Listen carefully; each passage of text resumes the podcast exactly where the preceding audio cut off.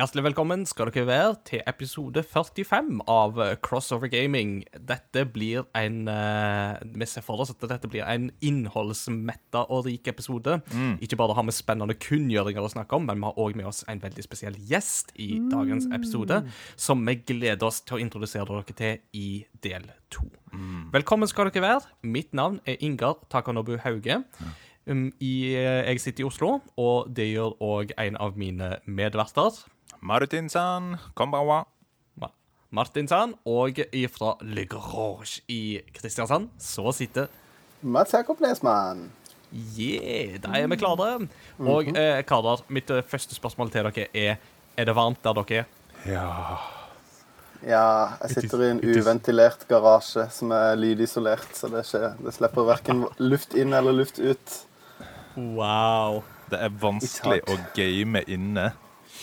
Jeg har liksom eh, svarte gardiner, så når jeg tar de på, fortsatt sol flasher inn på 30 grader, så må jeg sitte i baris.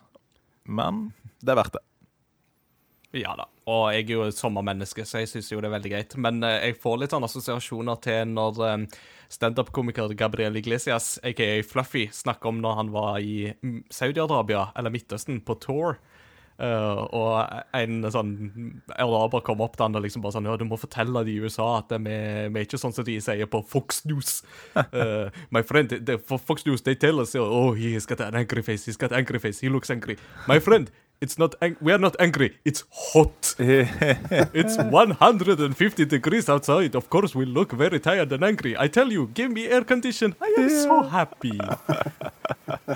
Wow, bra Og gjengitt. det er sånn Yes. Og det er sånn Ja, det er akkurat sånn det. det hvis, du, hvis du blir varm, så blir du sinna. Og det er jo faktisk dokumentert òg at uh, det er flere ulykker når det er varmt, og folk blir mer aggressive når det er varmt, og folk kjører mer uh, holdt på å si farlig i trafikken når det er varmt. Så folkens, kjøl dere ned, gjør alt i 20 saktere fart, og så går dette veldig bra. Så kanskje det blir vanskeligere å holde på menneskerettigheter og sånn uh, ref Dubai. Mm, ikke sant? Det er jo Ja, det, hvordan de skal klare å lire av seg det der, det er jo en uh, skandale. Men uh, det er ikke det vi skal snakke om i dag. Det er vi er her for å snakke om uh, gaming, uh, iallfall i denne omgang. All right. Um, har det skjedd noe spennende si sist uh, som dere har lyst til å nevne? It looks like meat is back on the menu, boys. Og da mener jeg it looks like, it looks like meat is back on the menu. Fordi fotball er tilbake! Det var det du mente med dette her Ringenes herre-sitatet du hadde skrevet i kjøreplanen. Jeg kjente jo sitatet, men jeg skjønte ikke hva du mente med det. Det var sånn Har du begynt å grille? Nei, jeg håper det er slutta å være veggis? Altså, Ja, nå kan jeg endelig få litt mindre timer i Football Manager og faktisk se på ekte fotball. Så det som er litt interessant, er jo så du jo fotball i går? Jepp. Og det er jo ikke publikum, eh, så du kan velge om du vil se med Fifa-lyd eller eh, null-lyd. Absolutt best å se med Fifa-lyd, etter min mening. Og én ting jeg har lært i den sammenheng, er at de har gjort det samme hele tiden med skisport. At de har lagd på lyder når de bruker stavene. Fordi det, at det skal bli synkront og få mer action og lufthopping, så legger de på sånn der. For å få Jeg bare What? Hacks! Uh, det, jeg har en kompis som jobber i TV, og han sa det at uh, det sitter en fyr med et midi-keyboard og trykker på Trykker ned en tangent på tastaturet. I, liksom, det er jobben hans. sin. Og hvorfor har ikke de livesending av han? Gi meg en livesending av eh, keyboardisten der mens sporten holder Tenk- på. altså. Tenk deg streaming med det, da. Det hadde Yes. vært helt fantastisk. Det er sånn sakte TV. Jeg er med. Jeg er med. Jeg er så med. Men problemet mitt, problemet mitt er at jeg ser for meg Det her er sikkert kjempefordomsfullt, men jeg ser for meg at denne personen ser litt ut som han, er, eh, han som er OP i World of Warcraft i den South Park-episoden. Litt sånn, Sitter litt skjevt i stolen og har på seg sånn eh, senebetennelsebånd og liksom litt chips på magen. Det er veldig fordomsfullt, men det er det jeg ser for meg. dette blir totalt spin-off, men det, det var noen en gang Jeg tror det var på BlizzCon faktisk at det var noen som cosplaya han med liksom fullt PC-synk og alt. Og det var sånn, når han kom opp på scenen, så var han liksom sånn Hei, hei. Og så leder han seg tilbake, og så er det helt inni der. Åh, så Fantastisk. Ja, det er så fett. Det var jo en episode som vant noen priser òg, det, mener jeg å huske. Eh, Ja, den var helt- Det var det. Det var, det var jo, eh, episode, um. Make Love Not Warcraft. Mm. Sesong ti en eller annen plass. Mener jeg at This might be the end of the world of Warcraft. Of Warcraft. Å, fantastisk.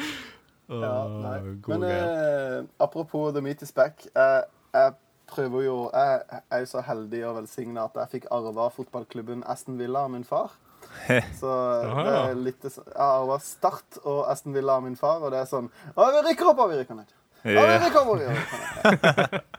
er- Vinner mye ett år, og så taper mye det neste året. Det, ja, det er litt, det er litt sånn der uh, learn to take a beating-greie. Sånn at det, det, er, det er veldig gøy når de vinner, og så er du på en måte blir du ikke, Det er ikke like skuffende for meg å rykke ned som det kanskje er for Martin, da.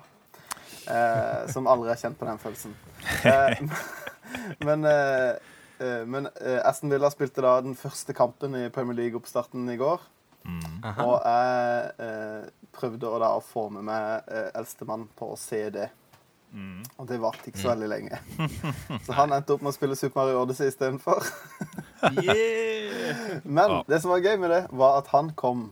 Han var plutselig satt inne på senga si og spilte. Og så eh, plutselig så kommer han til 'Pappa, du må hjelpe meg.' Og så eh, kommer han inn, og så eh, har han da, helt alene, uten noe hjelp, uten at jeg har forklart noen ting, i første banen i Mario Odyssey, de som har spilt det, det er jo denne her eh, eh, området som disse her spøkelsene, som den hatten er, et sånt spøkelse som den hatten er. Mm. Han har kommet seg helt til enden av banen, helt alene. Mm. Eh, og ha, vi har jo, han har jo spilt det noen ganger før, men jeg ble bare som, han kom ikke for å fortelle meg at jeg kom til toppen, men han kom til å fortelle meg om at jeg skjønner ikke hva jeg skal gjøre videre. For at det, det, jeg, vi, jeg hadde tatt bossen for han en gang vi spilte. Så der sto jo bare Captain Toad og kikka på stjernene. Eh, så det var litt gøy. Det var et litt stolt øyeblikk. Yeah. My father has it. My sister has it. The force is strong in your family, MJ. Oh yeah, sure. The Mario Force. Eh, Så det, Yeah. det syns jeg var veldig stas. ja. Kult. Speaking of The Force, jeg var og så eh, Star Wars på Colosseum. Eh, nærmere bestemt så så jeg The Emperor Strikes Back mm. på Colosseum. Og det var en særdeles god opplevelse, altså. Det, det er jo filmen jeg kan opp og i mente og helt utenat, men vet du hva, det å bare få det på stor Altså, Norges beste kinosal omtrent, det er jo med det lydanlegget, det er jo helt fantastisk. Du har liksom ikke hørt Du har ikke sett The Empire Strikes Back før du hører AT-ATs gå på snøen i beste med beste lydanlegget som Colosseum har å by på. altså. Det var helt fantastisk. Norge! Og så måtte jeg Ø, Norge. Ja. Finse er jo der. Finse? Ja, da. Ja, Finse, ja. Og, nei, nei, Finse. Og det må jo òg sies at jeg sleit litt etter hvert i filmen da Yoda dukka opp og ikke begynner å synge Rockin', rockin' and rollin', down to the beach I'm strollin'. What?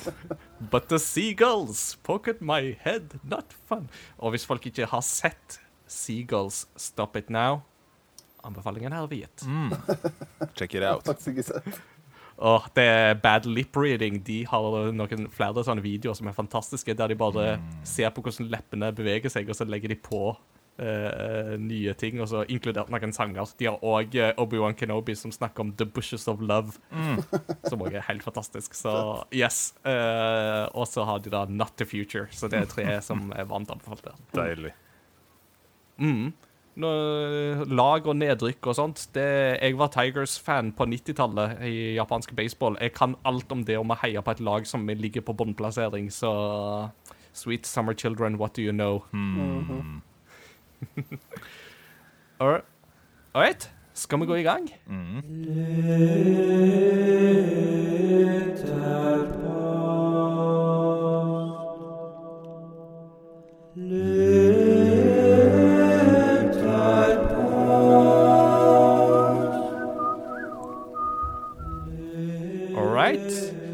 Lytterpost E-posten er posten der vi hører fra våre lyttere når vi har stilt dem et spørsmål. Og denne gangen så fikk vi et spørsmål ifra vår eh, Discord-bruker Godspark.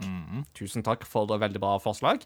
Og han lurer da rett og slett på hva spillutviklere eh, slash utviklerstudio som er våre favoritter. Eh, ofte så kan jo debatten bli litt sånn Ja, hva er det beste spillet, og sånt. Men han vil gjerne høre liksom hva er studioet som Eller studioene som folk liker best. Eh, Martin, hva, hvis du skulle liksom svart på det spørsmålet, hva hadde du svart da? Ja, det er jo en åpenbar kandidat i Blizzard pga. at jeg spiller mye Heartstone og WoW, og har spilt eh, Diablo osv. Det er jo eh, fantastisk eh, når de gjør det rett. Så Ja. um, Og ikke Warcraft 3. ja, det, la, oss, la oss glemme det. Men de har jo gitt meg Ja. veldig mye. Overwatch. Overwatch. Um, selvfølgelig eh, CD Projekt Red på grunn av, bare pga. Witcher 3. Uh, Nintendo pga. Uh, Zelda og osv. Men en, et mindre studio som jeg liker veldig veldig godt, det er Supergiant Games. Som har laget Ja. um, Bastion, blant annet. Og Mm, Transistor. Og Transistor.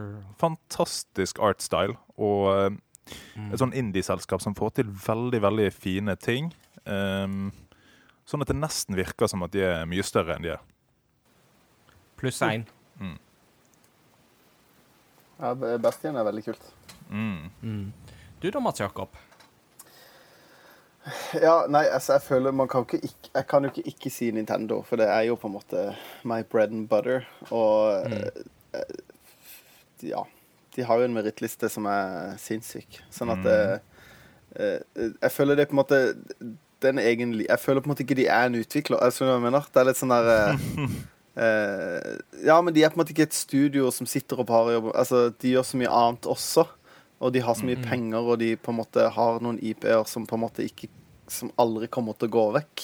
Mm. Eh, de kommer ikke til å forsvinne, på en måte. Sånn at eh, eh, Jeg syns jo Ja, det er litt rart. Men jeg, jeg er jo veldig fan av gammel Square. Altså ikke s- Ja. pre-merger, på en måte. Eh, jeg syns jo gammel Square er fetere enn Square Enix. Og selvfølgelig s- eh, PlayStation 1 Final Fantasy-spillerne, og de var jo helt sinnssyke i PlayStation 1-æraen.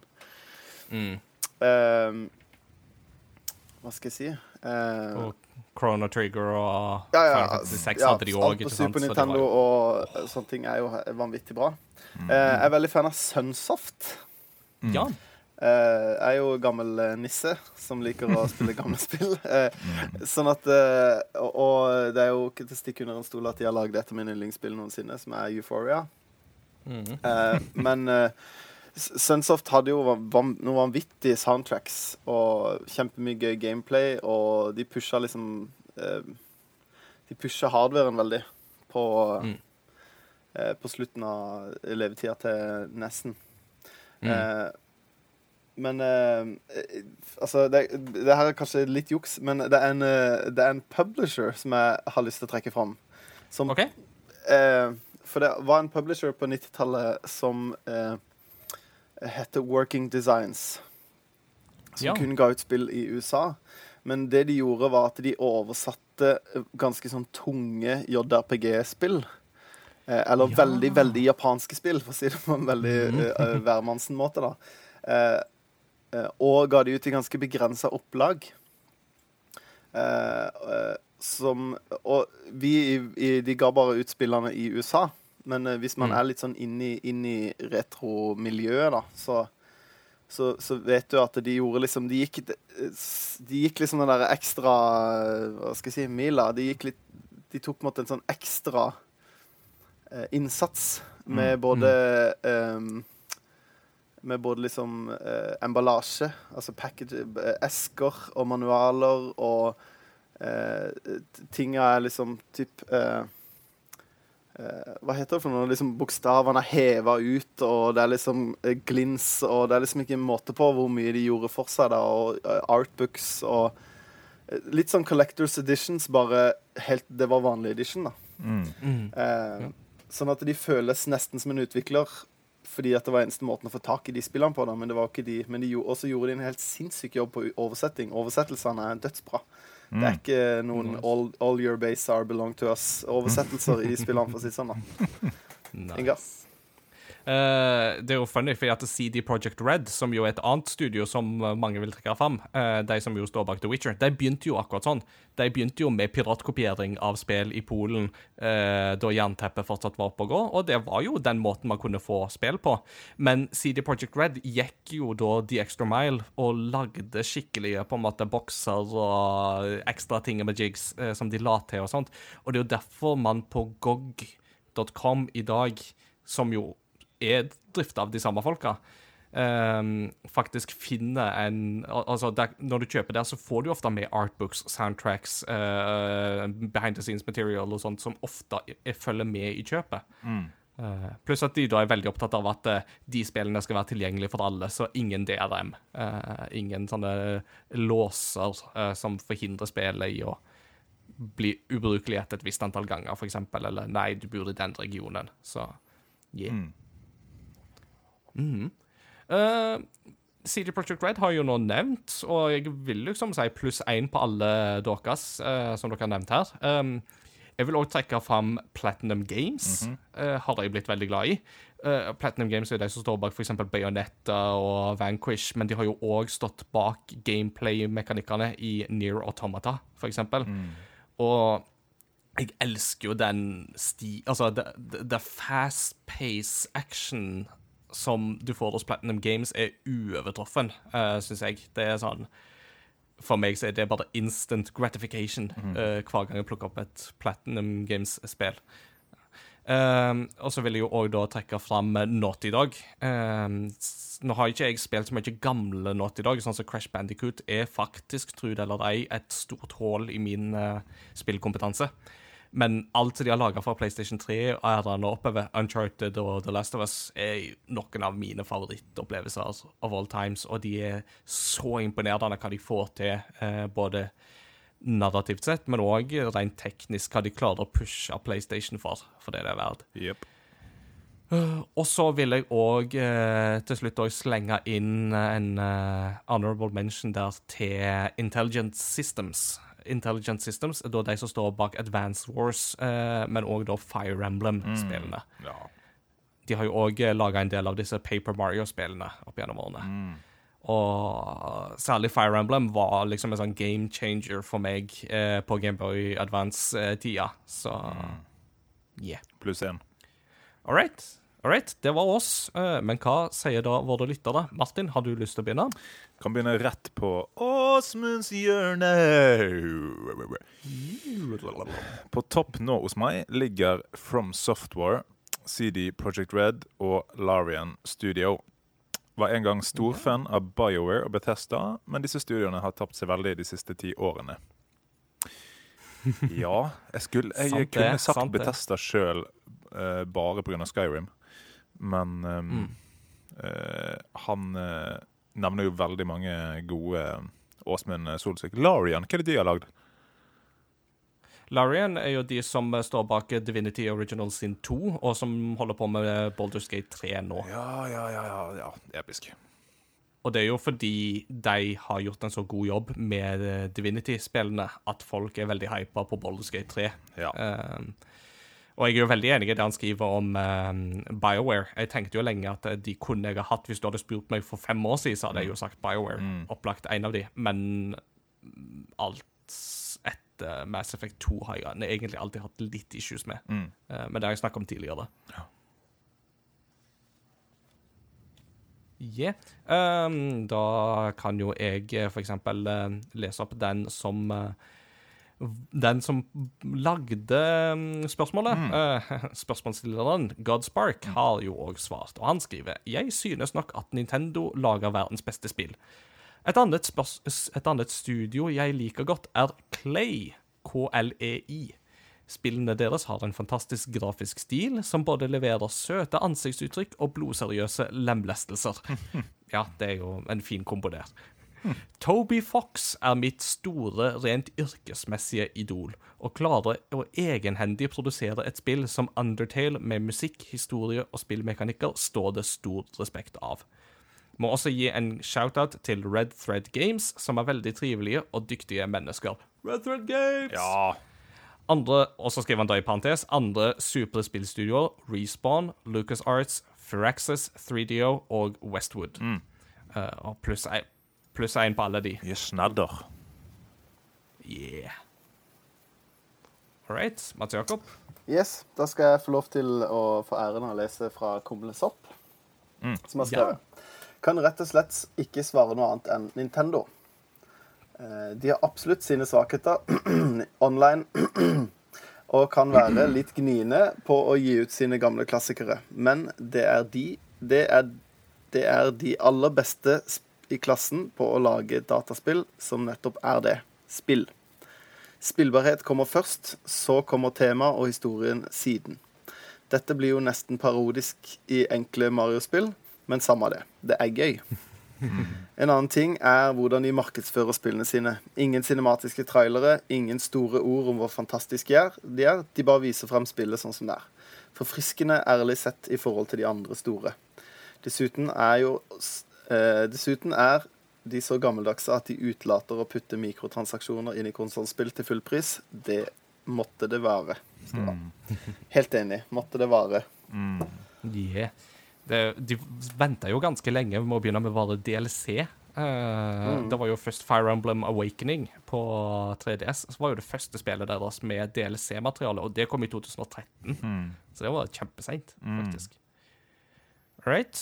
Martin, har du en uh, lytter til som du har valgt deg ut? Ja, og det er veldig kult at folk er med på Discord, og uh, må berømme Celia litt for å lage et veldig fint uh, miniforedrag inn på Discord her, som jeg oppfordrer alle til å gå inn og sjekke og respondere på. Jeg kan lese litt av begynnelsen her. Absolutt. CD Project, CD Projekt Red. Jeg har fulgt dem siden det første Witcher-spillet, og også før det gjennom det de gjorde før de var utviklere. CD Projekt begynte som et lokaliseringsprosjekt hvor de oversatte spill til polsk og utga dem i landet, derav navnet.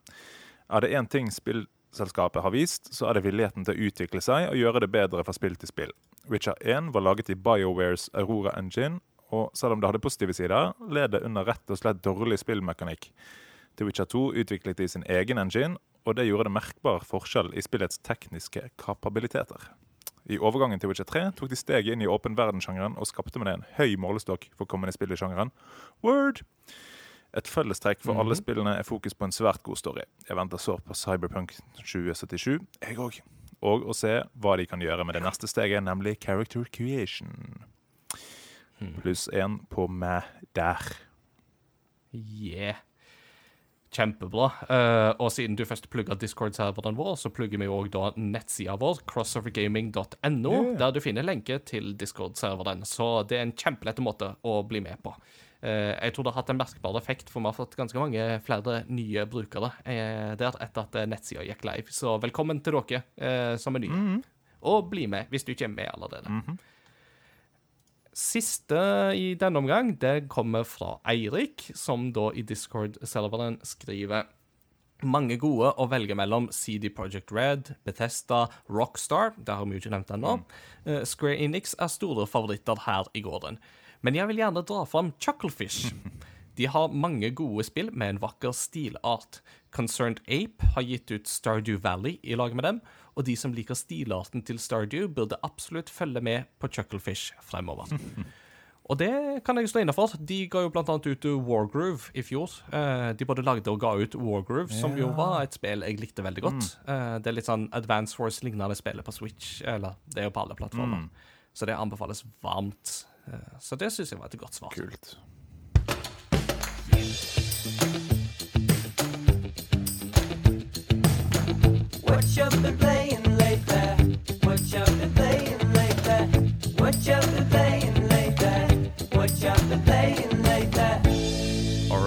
What have we been playing lately, gentlemen? Hvem har lyst til å gå først? Jeg kan uh, begynne Ja. Uh, som den, minst, uh, den som har minst å by på.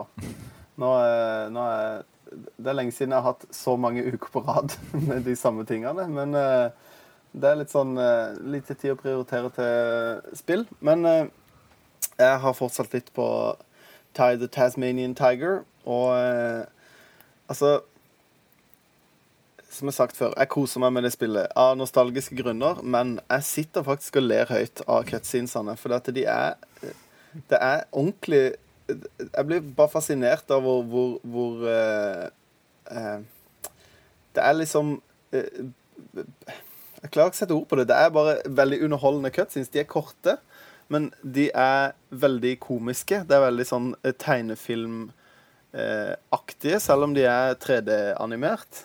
Eh, Mm. og jeg syns at karakterene er eh, gøye, spesielt the main villain, Mm. eh, eh, som heter Boss Cass. Hvor jeg nå nettopp så en cutscene hvor, eh, hvor det kommer da to sånne dumme goons, som er da hans minions. Eh, og alle er jo øgler, eh, fordi at de er jo mot pattedyr. Mm. Så det er øgler og dinosaurer som er er sure. Og da er det en sånn deilig scene hvor, hvor eh, den, De minner meg om det, det er nesten som å se litt sånn um, Det er litt sånn Turtles-faktor over det. For det er litt sånn Bebop and Rocksteady og Shredder. Mm. Med en litt sånn der eh, eh, eh, smart sjef, og så to litt sånn der uh, OK, boss. Litt sånn uh, eh, goons. Og det er Det er kjempegøy. Og det bygger veldig veldig mye karakter i et spill som i utgangspunktet har veldig lite måte, story. Du får på en måte Når du er ferdig med et område, så får du en ny liten storybit. Mm. Eh, og det lille der får meg Nå har jeg på en måte kommet så langt i spillet at jeg ikke husker så mye lenger. For jeg har ikke runda det Jeg runda det én gang når jeg var barn, men eh, har liksom starta på det flere ganger. Så i begynnelsen så var det litt kjedelig, for jeg huska på en måte alt. Men nå er det blitt enda litt mer spennende, da. Ja. Men, eh, men det lider av litt sånn den generasjons eh, problemer fremdeles, med at det er, verdenene er store og tomme. Eh, de klarer ikke å rendres så mye, og det er liksom Det er stort og tomt, og så veldig lineært. Og så skal det på en Mm. måte gi en illusjon om at det er utforsking, og så er det ikke så mye utforsking. Mm. Eh, hvis jeg skjønner. Er det, det, de banene som er litt mer sånn tette, er mye gøyere enn de banene som er store, da. Nice. Mm. Og så har jeg spilt Skyward Sword. Vi hadde jo yeah. eh, det som kunne se ut som siste eh, Skulle være siste møte i Retrospillauget for det spillet, men eh, det Mm. blir en til. For det, Yeah. jeg tror du, Inga, var den eneste som faktisk var ferdig når vi skulle være ferdig. Eh, Sant nok. men eh, ja, så jeg har spilt litt av det. Um, Mm. Og i den forbindelse så må vi bare skyte inn uh, neste og siste uh, samling i spill-lauget, der vi snakker om Skyward Sword, blir uh, førstkommende torsdag. Uh, altså den 23.-ish, eh, something like that. Um, 22.-23. Og da kommer vi jo bare til å på en måte pøse ut det siste vi har igjen av inntrykk. Så hvis folk har lyst til å snakke om det spillet, eh, så bli med på den samlinga. Da møtes vi i Discord torsdag klokka åtte, og så snakker vi oss igjennom det. Eh, og selv om du da ikke har vært med før, så syns jeg at den siste samlinga, da vi bare pøser ut alt, bli med. Yeah. Ja, jeg hadde tenkt å si noe samme, for jeg syns det var så gøy at Godspark dukka opp. Og han har jo liksom ikke vært med og spille det gjennom oss, men han har spilt det før. Mm. Eh, og det syns jeg var gøy, så jeg skulle faktisk komme med samme oppfordringa og si at det er, det er lov å være med på samling selv om du ikke har spilt. For det, det er hyggelig å prate om spill uansett, eller bare hvis du er nysgjerrig på et spill som vi spiller, så er det bare å bli med. Definitivt. Eh, så det, det syns jeg er veldig gøy, og det tror jeg vi skal trekke enda mer inn når vi holder på med neste runde med Retrospillauget, at det er lov å bare komme og være med og, og skravle. Mm. Eh, Mm. Kom som du er. Kom som du er. Og det som òg var gøy, var jo at vi eh, Inga, du fikk det jo ikke til, men eh, vi de fleste andre som var med der, de, vi eh, fortsatte jo bare å holde tråden på Discord mens vi så PS5 Reveal-streamen. Yeah. Eh, og det var kjempegøy.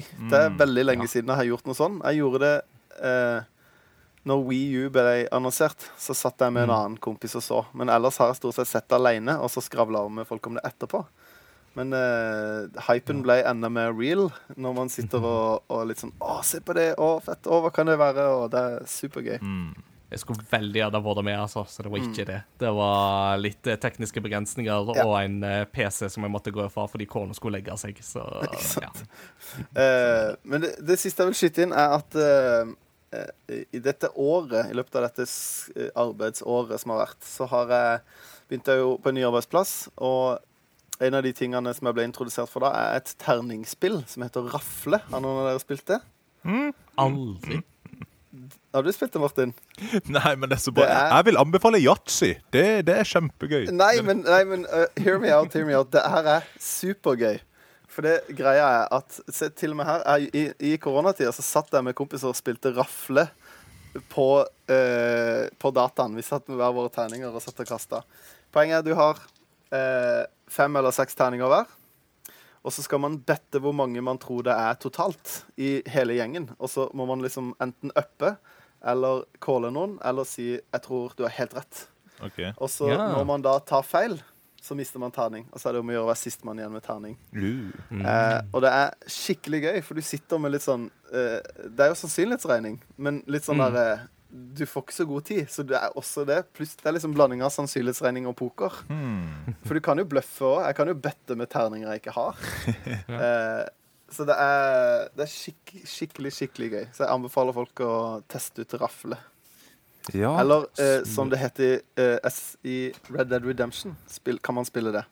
Der heter det Liars Dice. Ja, ja, ja, stemmer, stemmer. Det kan man Eventuelt så kan man spille World of Warcraft i en fantasy-univers og ha en episk verden. ja. Men uh, det er gøy. RL-suger. So, sounds like you want to chip in with your games, uh, Martin. Yeah, Så so, hva har du lyst til å overta? Ja, jeg har jo spilt eh, WoW Classic og Heartstone som vanlig, men jeg har òg gjort noe som jeg ikke har gjort før, som jeg burde ha gjort for lenge siden. Det er to ting. Okay. Uh, for det første så har jeg spilt The Last of Us for uh, første gang. Ja Og Oi, eh. Er det første gang? Første gang. Og det er jo eh, mwah. Jeg anerkjenner absolutt hele det spillet. Samtidig så er ikke det helt min type spill, fordi jeg er jo en eh, jeg, jeg trenger high fantasy, Pokémon, strategi eh, Ikke sånn minimalisme og Men veldig bra fortalt spill. Så jeg anerkjenner jo selvfølgelig det. Men eh, ja, så jeg skal prøve toeren òg. Ja. Um, Det kommer vi til å snakke om i neste episode. yes. Den andre tingen jeg ikke har gjort, er å spille singleplayer med switchen i dokken. For jeg har alltid spilt det håndholdt. Og eh, litt sammenheng med at jeg har hatt Jeg hadde en elendig 40-tommer-TV eh, før, fra sånn 2010. Så det var liksom Det var ikke så episk. Men nå har jeg jo, Mm. ikke for å skryte, jeg har en veldig bra TV nå. Og når jeg nå har flasha opp Xenoblade Chronicles Definitive Edition Oh lord, det er så nydelig! Det mm. er nydelig. Og for et spill, og for en skala. Det er litt sånn derre Så sykt mange ganger når jeg spilte spillet, at jeg må bare snu kamera rundt i spillet. Fordi det er på en sånn massiv skala, alt som skjer der. Eh, Mm. du føler deg så liten i et episk vakkert og stort univers. Og Mm. det er så mange ganger jeg bare står stille og snur kamera, og for en remake. Og jeg har spilt eh, Altså, jeg har spilt i sånn 40 timer, og fortsatt skjer det Oi. nye ting i storyen. Eh, som er liksom game changing. Så det er liksom Mm. litt av et spill, det der. Altså for en eh, perle som virkelig fortjener high definition og Switch og all ære til det spillet. Absolutt. Uh, det er jo veldig mye av det som du sier der, er jo akkurat det jeg også satt og tenkte da jeg spilte Wii-versjonen, Uh, for det er jo noe med det liksom Jeg tror jeg aldri har spilt et spill som har imponert meg sånn med tanke på det du sier med skalaen. Ja. Ikke sant? At det, det, det føles så massivt når du går rundt Altså når du kommer til Gower Plains, dette første store åpne området som vi hørte musikk fra sist, og du bare ser liksom hvor stort det er, og så snur du kameraet, og så ser du den gigantiske kjempen av Meconis som står der i bakgrunnen, og som bare sånn Og på den verdenen der borte, der bor det helt andre folk. Det er en helt annen verden som er minst like stor. Ja. Og så føler du deg så puslete, der du liksom går rundt omkring på denne Bionis-kjempen, og du er bare sånn Jeg er en maur, og mindre enn det. Ja. Og det er sånn Ja. Så det, jeg kjenner meg veldig igjen i det du sier der, og jeg gleder meg kjempemasse til å spille Switch-versjonen, for som du sier, det er et spill som sprenger Wii-skalaen og virkelig fortjener en oppgradering som den har fått. Ja, og det er så fantastisk. Altså, det, det er nesten som eh, tre Final Fantasy-spill i ett. Nest, altså det, for det er sånn nye karakterer, nye kulturer, eh, game-changing eh, abilities. Det er så stor skala, og det er bare helt utrolig å tenke på at det var på Wii. Eh, Ja. Så alle sammen, sjekk det ut. Yeah. Det er en uh, kjempebra anbefaling. Jeg gleder meg til å begynne på det sjøl, eh, så yeah, ingenting om det. Eh, grunnen til at jeg ikke har begynt på Xenoblade Chronicles Definitive Edition, er fordi at jeg har et annet japansk rollespill som er veldig stort, og som jeg har lyst å spille, og som kom ut litt før, nemlig Persona 5 Royal. Yeah. Eh, som jo er den litt forbedra versjonen av et av mine favorittspill denne konsollgenerasjonen, for ikke å si hele tiåret, nemlig Persona 5. Um, jeg har bare så vidt begynt. Jeg er bare ca. fem en halv time ute i det. Jeg holder på med første palass med Kamashida, eh, som han jo heter. Og han er fortsatt like ekkel og ufordragelig. Eh, nå vet jeg jo ikke hvor mye spoilers og sånt dere vil ha ifra, ifra det spillet, men altså um, Altså, Persona 5 er jo spill der du infiltrerer underbevisstheten til folk for å stjele hjertene deres, som da basically er deres begjær av noe, altså deres sterke negative begjær. Uh, og den første altså For noen så er disse begjærene så store at det blir til sånne såkalte palasser uh, i underbevisstheten. Og den første som du da skal stjele et sånt hjerte fra og infiltrere, det er en lærer på den skolen der du går, som heter Kamoshida. Han er da tidligere OL-medaljevinner og har liksom blitt hyra inn for å booste volleyballaget til denne skolen, sånn at de får liksom et bedre renommé og sånt. Og alle de foreldrene elsker han, og alle lærerne elsker han. Men det tar ikke lang tid før du innser at eh, han misbruker elevene fysisk med at han eh, banker de opp hvis han er sint, og hvis, han, hvis de gjør ting som han ikke liker. Og de kvinnelige altså jentestudentene, eh, der òg er det mer enn bare fysiske mis... Altså, han det er basically seksuell trakassering, og gjerne vel så det.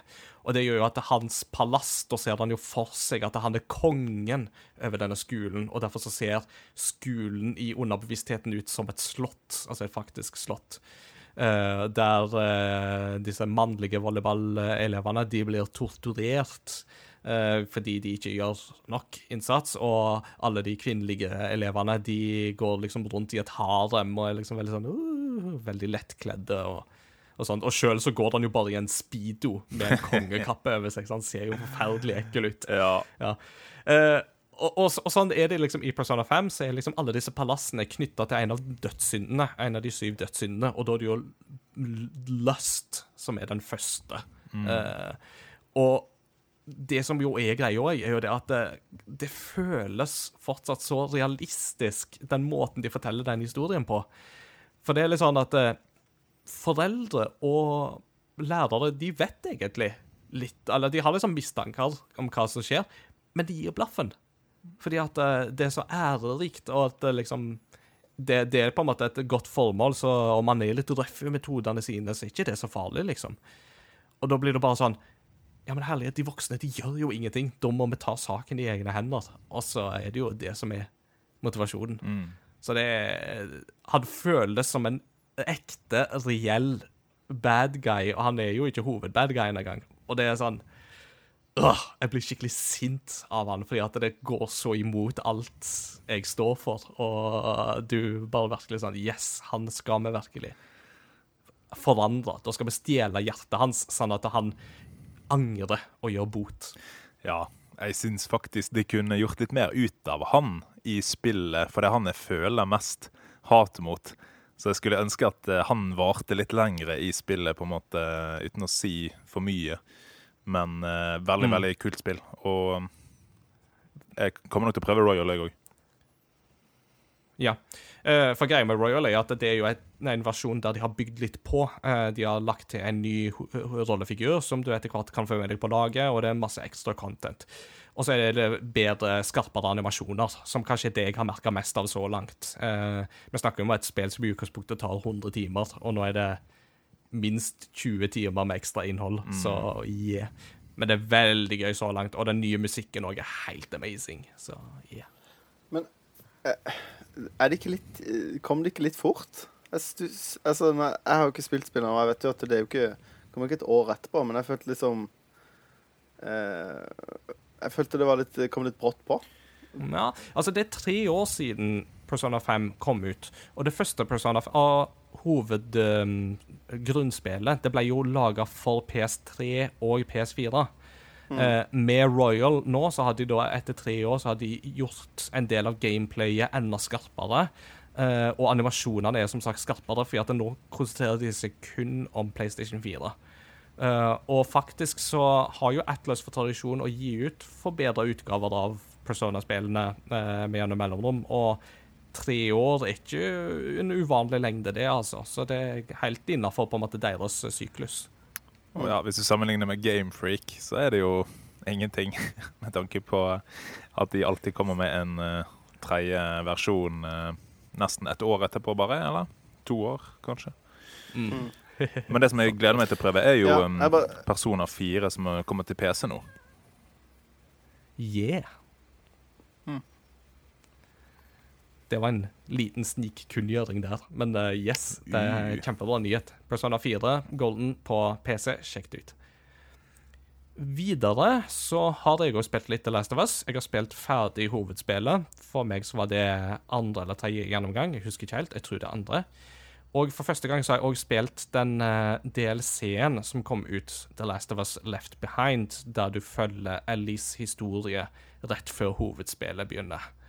Eh, og det òg er en veldig sånn Det er òg en kjempebra fortalt historie og alt. Uh, men jeg føler at det er en litt mer sånn tilbakelent opplevelse sammenligna med hovedspillet. Uh, du, du, litt mindre action på én måte, men samtidig så er det en veldig nær og sterk historie der òg, altså. Så det er veldig spennende å på en måte bli vitne til Ellie før begivenhetene finner sted. Mm. Så det òg bør, bør en sjekke ut eh, i forkant av The Last of Us Part 2. Og så har jo jeg òg spilt Skyward Sword. Det har Mats Jakob snakka om. Eh, men i tillegg så har jeg òg spilt et spill som jeg har anmeldt for Game Rector, og det er Valorant. Som jo da er denne her store internettsnakkisen i uh, mai. Fordi det var liksom sånn eksklusivt. og Det var sånn å, du må strømme på Twitch, og så må du bli endorser for å bli med, og sånt. Og det skapte jo veldig sånn eksklusivitetsfølelse. Uh, men nå er det jo da åpent for alle. Det er gratis å spille. Og relativt snille mikrotransaksjoner som i utgangspunktet kun er kosmetiske. Noen rollefigurer er gjemt bak det òg, men det tar ikke så lang tid å åpne de. Valorant er for de som da ikke har uh, lest seg opp på det. Det er eh, Riot Games, folka bak League of Legends, som prøver seg på en hybrid av CS, uh, Counter-Strike, og Overwatch slash Apex Legends. Det vil si at du har spillmekanikkene med fem mot fem eh, fra Counter-Strike, men med det sånn heltefokusert eh, tematikk fra Overwatch og andre spill som Apex, for eksempel. Da er formålet at det ene laget skal plante en sånn um, et sånn spike, som det heter. Det holdt på å si nesten som en sånn plugg en sånn eksplosiv plugg, og det andre laget skal da enten eliminere de, eller desarmere denne sprengpluggen. Eh, og for å gjøre dette så har du jo da forskjellige rollefigurer med forskjellige egenskaper og sånt, inkludert en ultimate ability, som er sånn som vi kjenner fra Overwatch, f.eks. Litt den samme fargerike stilen, og dermed òg lavere aldersgrense. Eh, og mm, så er det jo da sånn at det første lag som får et visst antall seire, de vinner eh, kampen. Eh, Valorant er en veldig god idé. Uh, veldig mange gøye ting. Og det som er litt sånn gøy her, er jo det at eh, for hver runde i en kamp, så har du bare ett liv. Så hvis du dør, så må du vente til neste runde begynner. Uh, og det gjør jo at du spiller veldig taktisk. Hvis du rusher inn, så dør du, og da er du ingen nytte for laget ditt. Og det tar jo litt tid å venne seg til, men når man først venner seg til det, så er det veldig greit, altså. Um, jeg har jo spilt veldig lite CS i løpet av mitt liv, men jeg har jo spilt desto mer Overwatch, så sammenligninga mi blir jo ut ifra det. Og det jeg sitter igjen med etter Valorant, er at jeg føler den De får ikke til heltene så bra som det konkurrentene gjør. Og mer enn noe annet så føler jeg at de kopierer eh, Overwatch, for eksempel, i en veldig stor grad. Eh, du har liksom Mystic Manhunk with bow and arrow. Ja, check, han har med. Eh, Ghost-like uh, character med skikkelig raspete stemme. Sånn som det. Ja, check, det har vi òg med. Uh, amerikansk soldat som er litt sånn allrounder. Check, har vi med. Det er en del av disse her på en måte standard rollefigurene som en gjerne kjenner fra Overwatch, med litt sånn tweaks og sånt. Men uten den samme sjarmen og Lauren som du merker ligger i bånn. Og det gjør jo at de taper litt på det området der, syns jeg, dessverre. Yeah. Altså Dette er jo det første sånn spillet som har interessert eh, Som har vekka min interesse. Mm. Eh, fordi at jeg har ikke spilt masse, men det er det skytespillet jeg har kanskje spilt mest av, er CS. Ja. Eh, og jeg syns at det gameplayet er veldig bra, og Mm. er veldig sånn eh, enkelt og kontant, hvis det makes sense. Eh, Så når med en gang jeg så det, så tenkte jeg med en gang sånn Å ja, det her var Det her syns jeg virka interessant. Jeg har ikke fått testa det, for jeg har jo ikke PC. men eh, eh, men eh, jeg syns liksom til og med banedesign ligna og eh, eh, sånne ting. Så jeg syns det på en måte virka interessant eh, fra det ståstedet, da. Og jeg tror jo det er ganske mange som kommer derfra, iallfall i vår generasjon, så var jo CS veldig, veldig stort. Mm. Um, og mange spiller jo fremdeles CS i dag, sånn at Ja. det, er jo ikke, det er jo ikke sånn at CS er borte. Men, men det er gøy med et eh, alternativ som ligner litt mer på det, da, og ikke uh, er så veldig uh, Hva skal jeg si Den Battle Royale-aktige stilen, da. Altså, Mm. Den er jo ikke Overwatch et Battle Royale, men det er jo Apex og Fortnite Ja. og, som er litt fargerike Mm. spillene, da. Ja. Mm. Ja, og jeg er veldig enig. Altså, jeg tror dette vil appellere mer til CS-spillerne enn eh, de som er mer på en måte på de heltefokuserte, Mm. fargerike spillene. Um, for det er, altså, det er absolutt gøy å måtte tenke taktisk, og det å måtte snike seg rundt et hjørne, eksempel, og i den grad det gjør en forskjell, bruke heltene sine evner. Eh, det var jo noe som jeg trakk det litt for, er jo det at jeg føler ikke at heltenes evner for det første er så varierte, og for det andre så game-changing i en kamp. Det er ikke sånn at og å, nå fikk du ult og blasta den akkurat i siste liten, og det var det som gjorde at vi vant kampen, eh, sånn som du gjerne har i Overwatch. Eh, så jeg syns at en del av de mekanikkene funka ikke så bra, men den der CS-tenkinga med liksom Du går dit, du går dit, du må bruke det våpenet i denne runden her. Uh, husk å liste deg når du går rundt hjørnet, sånn at de ikke hører deg. Uh, sånne ting som det der funker i utgangspunktet veldig bra, altså. Mm.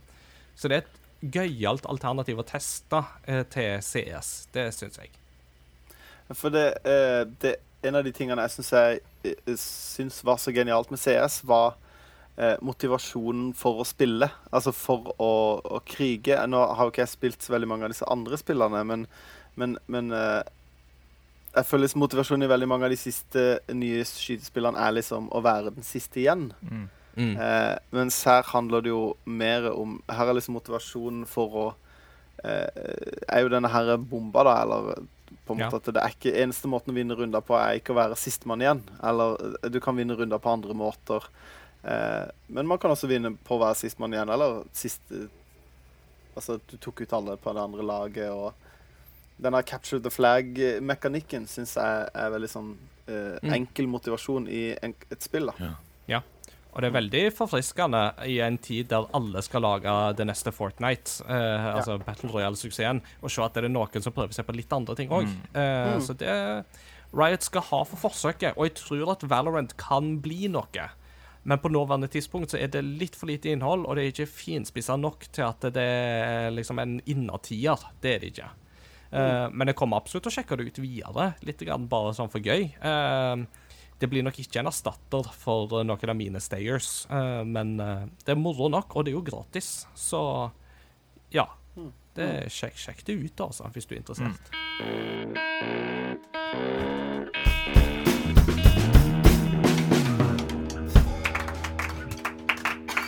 Ja. Eh, himmelsk lyd fra ungdommene. Eh, nå er det ukens kunngjøringer. Med det så skal vi ha en liten omrokering i den vanlige liturgien, for nå skulle vi jo hatt en liten pause. Men eh, vi sparer liksom det til del to når vi får besøk. Eh, så vi tar kunngjøringene før pausen i dag. Og folkens, den helt klart største kunngjøringa, det er jo PlayStation 5-pressekonferansen. Eh, Mats Jakob, du snakket jo om den allerede. Uh, at det, det var god stemning i Discord. Uh, Martin, var du, var du der òg, forresten?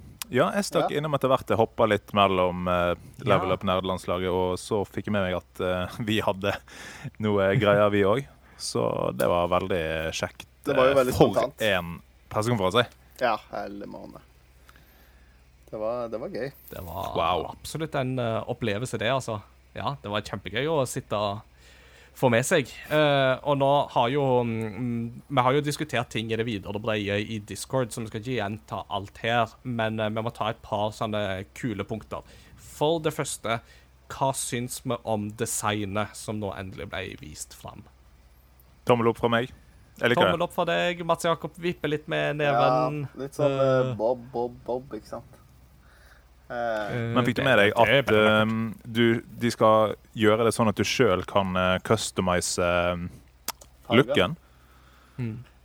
Uh, det coveret, liksom, kan du customize ganske enkelt, da, tydeligvis. Mm. Det, Det vil jo være veldig gøy. ja, jeg bare føler at det eh, For meg det største på en måte, argumentet mot er at alle ting som er litt sånn der eh, eh, Veldig markant stil, vil gå ut på dato. Eh, en PlayStation 2 er litt sånn stilløs.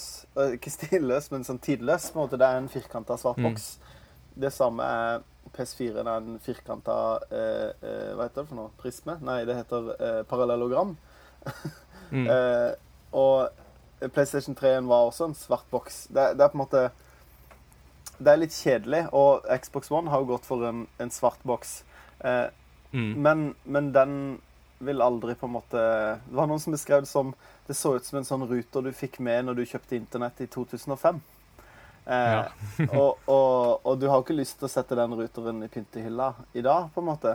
Sånn at eh, jeg syns at det, det er øh, Det er ikke stygt, men, men en dag så kommer alle, veldig mange til å synes at det er stygt. Det er min tanke. Nei, nei, nei, nei, nei. Det er jo de vakre, arkitektiske, dristige designet som blir husket, ikke glemt, i løpet av de lange tidene. Ja. Tror jeg. Uh, point to uh, Martin der, altså. Jeg tror at uh, med å gjøre dette designvalget, så skiller de seg veldig ut. Mm. Eh, og det tror jeg kan være en styrke. Eh, særlig hvis du skal prøve å på en måte skape gjenkjenningsfaktor Mm. uh, hos uh, de som ikke er liksom super 100 jeg spiller 60 timer i veka, folka. Jeg vil jo bare da, kan jeg bare da komme med eh, argumentet Virtual Boy. Eh, Mm, alle ja. husker det. Veldig stilig design. Men det er ikke positivt, det folk Nei. eh, sitter igjen med. Så Det er ikke gitt. Men Switchen, da? Det er jo Altså, hvis du har grå og svart kontroller, så er det jo en Altså, det er jo en iPad med kontrollere. Det er jo, mm. det er jo et, det, jeg, Jeg mener bare det er litt sånn simplistisk design. da. Altså, det er ikke så Det er ikke så karikert. Jeg syns ikke det er stygt. Men jeg tror du kan få den eh, Du kan nok få den i eh, svart, uh, regner jeg med òg. Så Ja. det er liksom eh, Det er ikke bekrefta ennå, da. Vi får eh, se, sier Sony. Og så får vi vente og se. Mm. Mm. Altså, Mitt umiddelbare take på det var det at jeg ble ikke så overraska over fargevalget ut ifra hvordan kontrolleren ser ut og sånt. Mm. Uh, og min første tanke var liksom at ja, altså var ikke helt sånn jeg så det for meg, men jeg kan absolutt like dette. Helt til, og jeg tror dette var i Level Up at de påpekte at det, det ser ut som noe fra Detroit Become Human, dette her spillet til David Cage. Og da ble jeg sånn Nei, vent litt, jeg likte ikke det spillet. Uh, eller jeg hadde flere ankepunkt med det spillet. I don't think I like this yeah, design the power of association. Ja, så det var sånn Åh, så eh, shout-out til Level Up. Dere ødela PlayStation 5 for meg. mm, Det skal så Neida. lite til, ja. Ja da. Eh, min største bekymring nå er om jeg får plass til den, for det ryktes jo at den kommer til å bli ganske høy. Eh, og da er ikke TV-benken min dimensjonert for det, men som kone sa, vi finner en løsning. Ja, vi finner en løsning. Og i hvert fall hvis det går til fordel for at du får mye mindre støy pga. viftene og uh, performance uh, grafikkmessig. Mm, mm. Ehm, det som var, jeg likte veldig godt, var jo den diskløse versjonen. Fordi jeg uh, kjøper bare online. Mm. Og um, den er til og med spådd til å koste 100 dollar mindre. Mm. Så pris blir jo veldig spennende. Blir det 8000 eller blir det 6000, liksom? Ja.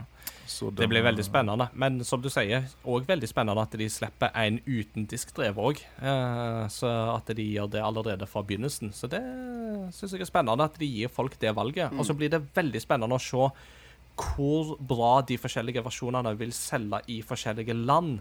For det vil jo gi et inntrykk av hvordan internettilgangen og sånt er for folk flest rundt omkring i verden, Mm. tenker jeg. Mm. Det, jeg leste en eh, artikkel i dag om at eh, Amazon hadde jo da på et veldig, veldig kort tidspunkt eh, eh, lagt ut ved en feiltagelse både pris og lanseringsdato. Eh, Ok. Det er vanskelig å vite om det er riktig, men da var prisen for den diskløse var 400 euro. Og den Mm. med disk var 500 euro. Og lanseringsdagen var 22. Men dette er jo bare rykter. Det kan jo være fabrikkert. Hvem vet. Men, uh, Ja. men hvis det er prisen, så er jo det Da er jeg veldig positivt overraska. Jeg var forberedt på mye verre enn 4000-5000 kroner, altså. Ja. Jeg, eh, jeg har en um, side note til det litt senere, på en senere kunngjøring. Men det som, uh, med det tanke på pris, så holder jeg fortsatt en knapp på 5000. Altså at det er omtrentlig der vi vil lande. Altså 500 euro, 500 dollar, uh, 5000 kroner ish.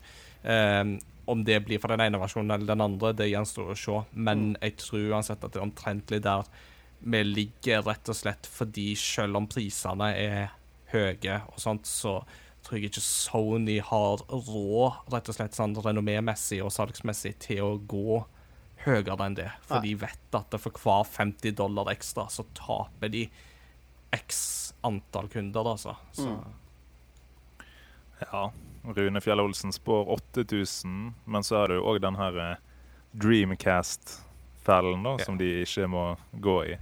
det er sant, det ikke sant? Uh, og jeg tror at 8000 blir for høyt, altså, selv om Mm. komponentene og sånt er så dyre som de er. Jeg tror at de, de vil gjøre alt de kan for å legge seg på en pris som ligger rundt 5000-6000. Altså 599 US dollars sitter fortsatt igjen som et så flaut øyeblikk i Sonys historie at jeg tror eh, Jeg tror de vil prøve det de kan for å unngå det. Enig. Ja. Hvis vi skal trekke fram uh, topp tre spill som ble vist fram, eller sånn cirka ikke Jeg klarer ikke å justere det til topp tre, men hvis du skal, skal ta liksom Å, de, de tingene der, det var absolutt det jeg likte best. Hva sitter dere igjen med da, Mats Jakob? Skal vi ta tre og tre, eller skal vi ta én hver? Eh, Nei, ta tre og tre, tenker jeg. Eh, det jeg husker aller best, for å ta det sånn, da, det er det spillet som het Kena Bridge of Spirits. Ja. Som var med de her bitte små, søte, svarte karakterene. Som, dette som så ut som en Pixar-film. Eh, virka veldig spennende. Det vekka min interesse veldig. Da ble jeg litt sånn Oi, steike. Eh, ikke bare pga. det, men også fordi det var en ny IP som så sånn ut. Altså, jeg føler ofte sånne spill er en oppfølger. Eh, og det var jo en ting som bare må si Jeg syns jo at det var De presenterte veldig mye nytt som vi aldri har hørt om, mm. og det var spennende. Derfor, det var en av hovedgrunnene til at jeg ble så hypa som jeg ble. var fordi at det bli, det, De virker som de ønsker å legge opp til at det ikke blir en ny konsollgenerasjon med masse sequels, eh, men med masse nytt, og det syns jeg er veldig spennende. Ingar? Absolutt. Jeg syns jo at det Kina uh, minner om eh, holdt jeg på å si, Som om Pikmin gikk sammen med Kubo and The Two Strings og fikk et barn sammen. Mm. Eh, og det er en god ting, for å si det sånn. Ja. Det er en veldig fin spillserie og en veldig fin film eh, Mm. med en fantastisk estetikk. Som eh, Ja, Kina. Ja, de her svarte første jeg tenkte på, var de her Sutt Monsters'ene i uh, My Neighbor Totoro.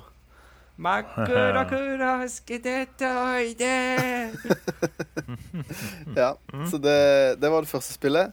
Uh, Oddworld, Soulstorm, uh, Ja. syns jeg virka så sykt fett å få se den uh, Oddworld-verdenen i eh, i HD, og det virka som at de Det jeg syns er fett med Oddworld-spillene, er jo tematikken med liksom slaveri og, og eh, ikke sant? Disse har jo fått sydd igjen munnen, og de er liksom blitt lagt kurv på et veldig undertrykka Det er sånn opprørsspill.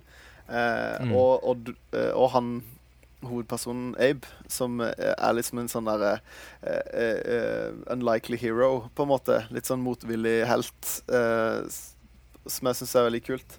Og jeg syns den traileren var så kjempespennende ut. Og, mer, og at de går liksom enda mer tilbake til det litt tradisjonelle gameplayet. da. Nå husker jeg ikke Det kom jo et spill nå Ja, Det minner meg om PlayStation 1-spillene, som jeg syns var veldig tøft. Eh, Mm. Og så eh, må jeg jo nevne Ratchet Clank. Ja, Eh, det så bra ut! det så helt sinnssykt bra ut. Eh, jeg likte det de snakka om med Jeg vet ikke om det var de som snakka om det, eller noen andre som snakka om det. Jeg husker ikke. Det var, det var mange som snakka samtidig når jeg så på dette. her. Både Jeg fulgte Level Up sin stream, og jeg snakka med eh, på discorden vår. Mm. Men, eh, men at det liksom Med PlayStation 5 at den er så kraftig, og at du kan få da et sånt spill til å bli veldig kaotisk, det syns jeg er veldig gøy. Kaotisk, men på et større skala og på større områder. Ikke sånn veldig inni en boks kaotisk, men at det, det virka veldig kaotisk sånn. Pluss at eh, denne her uh, rip in time At du kan hoppe i space uh, nesten som en sånn portal gun. Uh, Mm. eh, syns jeg var en veldig kul mekanikk å få inn i en sånn 3D action-plattformer. Og da fikk det meg også til å få litt sånn minner til uh, Mirror's Edge. Med litt denne her Nå hopper jeg fort og skal liksom komme meg bortover bortover i Mm. landskapet fort for å liksom Ja. Så masse, mange Mm. kule assosiasjoner jeg fikk til det, da. Og, og det er gøy å se en kjent serie, men at de tar en ny turn som kan være veldig kul, da. Det liker jeg. Mm. Ja, Amazing grafikk. Det, altså, når de Jeg er bare, Hvis du ser på Clank, hvis du ser forskjellen på det de viste der og fra forrige versjon, lyset som kommer på Clank som gjenskinnes ut, det er amazing. Raytracing! Raytracing. Det er tøft. Amazing der. Og altså. Female Clank. Mm. Nei, Ratchet, mener jeg. Yeah. Ratchet. Ja, Parallel Universe. eh, Spennende uh, opplegg. Yes, det var mine tre. Mm. All right. Martin, dine tre. Um, GTA 5. Yay! Men, eh, nei Det var nok eh, pressekonferansens flause var at de begynte med det. Da var det lufta som gikk ut av ballongen hos mange. Ehm, nei, jeg må faktisk begynne med Gran Turismo 7, fordi um, jeg har spilt så mye Gran Turismo 3 og elsker bilsimulatorspill uh, for for å gi meg illusjon om at jeg er flink å kjøre bil. Um, og litt den der karrieregreien med at du skal få bedre og bedre bil og få råd til mer. Det har ikke de klart å gjenskape på like god måte etter treeren, syns jeg. da. Så når de sa liksom nå skal vi møte gamerne i syveren og glemme litt e-sport og sånn, vi skal back to the gamers, liksom. Det gjorde meg hyped. Og um, så syns jeg Returnal så veldig, veldig kult ut. Ja. Um, jeg fikk litt sånn uh, Destiny-vibes, men som en singleplayer uh, story game, så, så de der eh, fighting-scenene vi så der, så kjempekule ut. altså. Så det ble jeg veldig nysgjerrig på. Inger. Mm. Uh, har du sett eh, filmen Age of Tomorrow noen gang? Ja. Ja, for, det, for jeg fikk jo veldig fil av at det var sånn Edge of Tomorrow med litt mer horror-elementer, med en Mm. hovedperson som kunne se ut som hun var litt inspirert av Tilda Swinton. Mm. Uh, og alt det er sånn Yeah. Jeg fikk, eh, jeg fikk sånn eh, umiddelbare assosiasjoner til filmen Prometheus når jeg så den traileren. Med litt Ja. sånn der eh, dark alien uh, uh, Sånn svart betong med etchings på og litt sånn Ja, nei, det var litt sånn Ja, det var fett. Mm. Har dere sett Love, Death and Robots på Netflix? Nei, den er på lista. Veldig, veldig kul eh, serie. Men der er det en episode som har nesten samme tematikk som det de viste der. Som uh, Alle må se den serien. Kult. Og så ble jeg veldig nysgjerrig på Ghostwire Tokyo. Ja. Eh, både på grunn av liksom å bare gå rundt i Tokyo eh, og oppleve weird eh, stuff, men òg ekstremt kul grafikk eh, de viste der. Eh, Så det blir nok mine tre picks. Ja. Jeg er pluss én på alle de, altså. Det blir spennende å se dem. Mine tre. uh, Horizon 2, uh, Forbidden West. Det var jo rykter at det kom til å bli annonsert, og det var så gøy å endelig få det bekrefta. Og Horizon Zero Dawn er jo et av mine favorittspill fra konsollgenerasjonen nå. Og jeg har jo så gode minner, eh, ikke minst med at jeg og kona spilte det i lag. Eh, Og bare, da bare veksla med kontrollen oss imellom. Og det som er gøy der, er at da jeg var ferdig med storyen, så var jeg sånn OK, nå er jeg ferdig med Horizon Zero Dawn. Det var en kjempebra opplevelse. Men da satte huset ned og tok platinum i det. Eh, så her i huset så er vi to som er veldig klar for Horizon. Og det var sånn da de viste begynnelsen på den traileren, Vill natur, og så hører du Ashley Birch sin stemme som bare begynner å fortelle, at det var bare sånn Horizon! Yes! Uh, så det gleder jeg meg til. Og nummer to, det, da må jeg jo si Spiderman Miles Morales. Uh, det er så gøy at eh, Miles Morales kommer opp og fram i bevisstheten til folk. Og som, altså, dette blir jo en sånn standalone uh, Et standalone game basert på en del av de samme motorene og mekanikkene som Spiderman fra 2018. Så det er jo litt sånn som Uncharted Lost Legacy var til Uncharted 4, for de som da kjenner det. Så det er, det er nok ikke på en måte Spiderman 2, sånn som blir teasa på slutten av Spiderman 1, men fortsatt så tror jeg at dette blir et standalone-spill som blir veldig, veldig gøy, og med Miles Morales i hovedrollen så tenker jeg at det kan bli en kjempemessig opplevelse. Og nummer tre, da har jo du allerede sagt Returnal. Da vil jeg si det andre eh, timeloop-spillet, nemlig Deathloop. Eh, det ble jo først annonsert Ar Arcane i fjor. Arcane lager fantastiske spill jevnt over. Prey traff ikke meg helt, men eh, er det jo én ting Arcane Studios kan, så er det jo det med level design. Det er jo de som lager Dishonored-spillene, for eksempel her. Og er det én ting de er fryktelig gode på, så er de på å lage komplekse nivåer der du kan snike deg rundt og masse sånne ting. Og nå blir det mer action-paced. Med en sånn veldig kul sånn 70-tallsestetikk som ga meg veldig assosiasjoner til sånn Helgenen, uh, The Saint, uh, og litt sånne ting.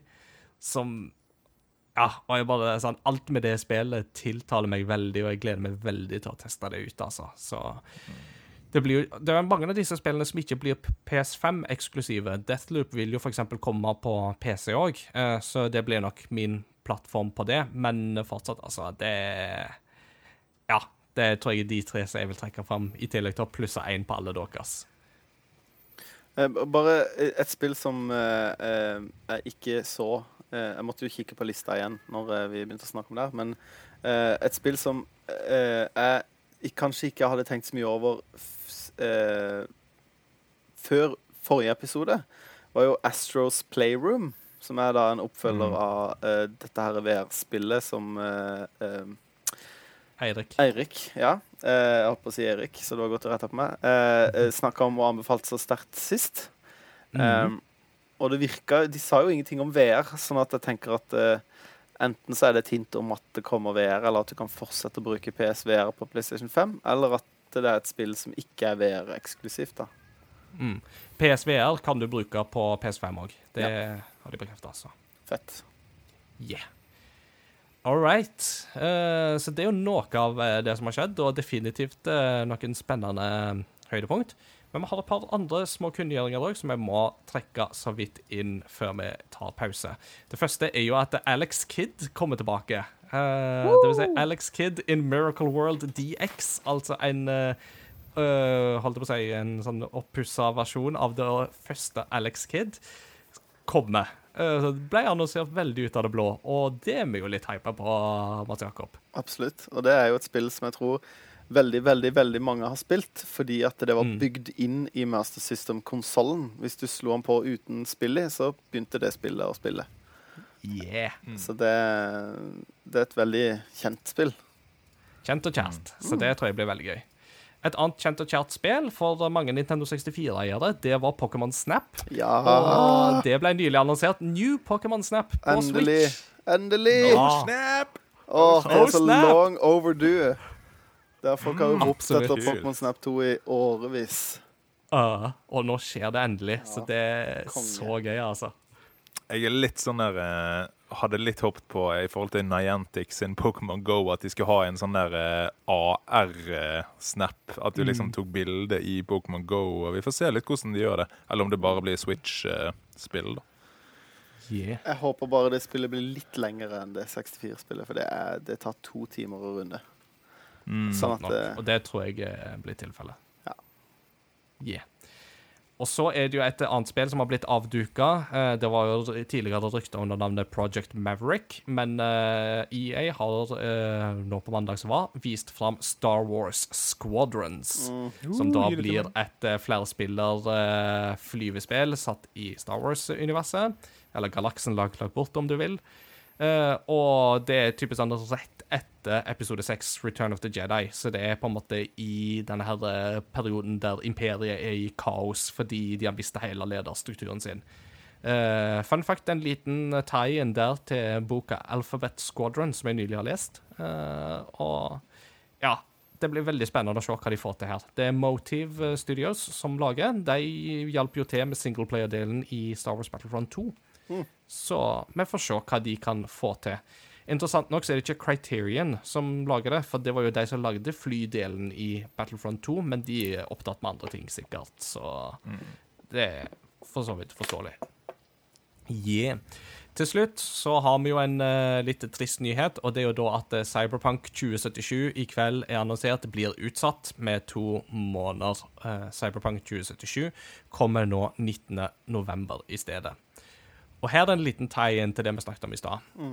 Hva hvis de venter med Cyberpunk til PS5-lanseringa? At PS5 kommer 19. november? Ja, Hva hvis det er tilfellet? jeg, jeg, jeg tror nok noe sånt. Nå Skulle ikke det spillet egentlig komme i april? Egentlig. Ja. Eller mai, var det uh, vel? Nei, Nei, det var 20. april. først, det var 1. april. Ja, 20. Ja, ja, april. at 20. april. eh, Ja. Jeg tror hvis de først måtte vente, så tenker jeg da kan vi like godt vente til PS5-releasen og få med den bølga der. Og det kan Mm. godt hende Sony har betalt de for å vente òg, altså.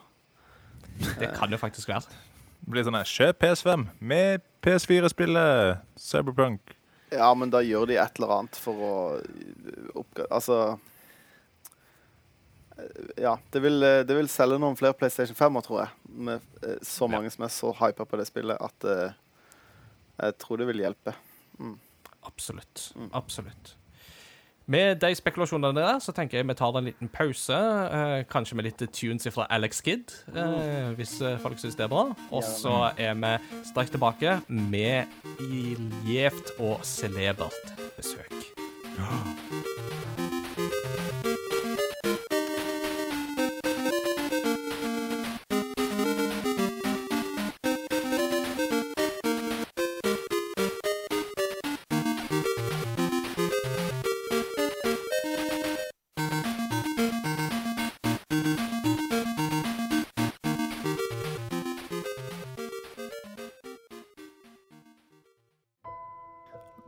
er det min glede å få introdusere denne ukens gjest.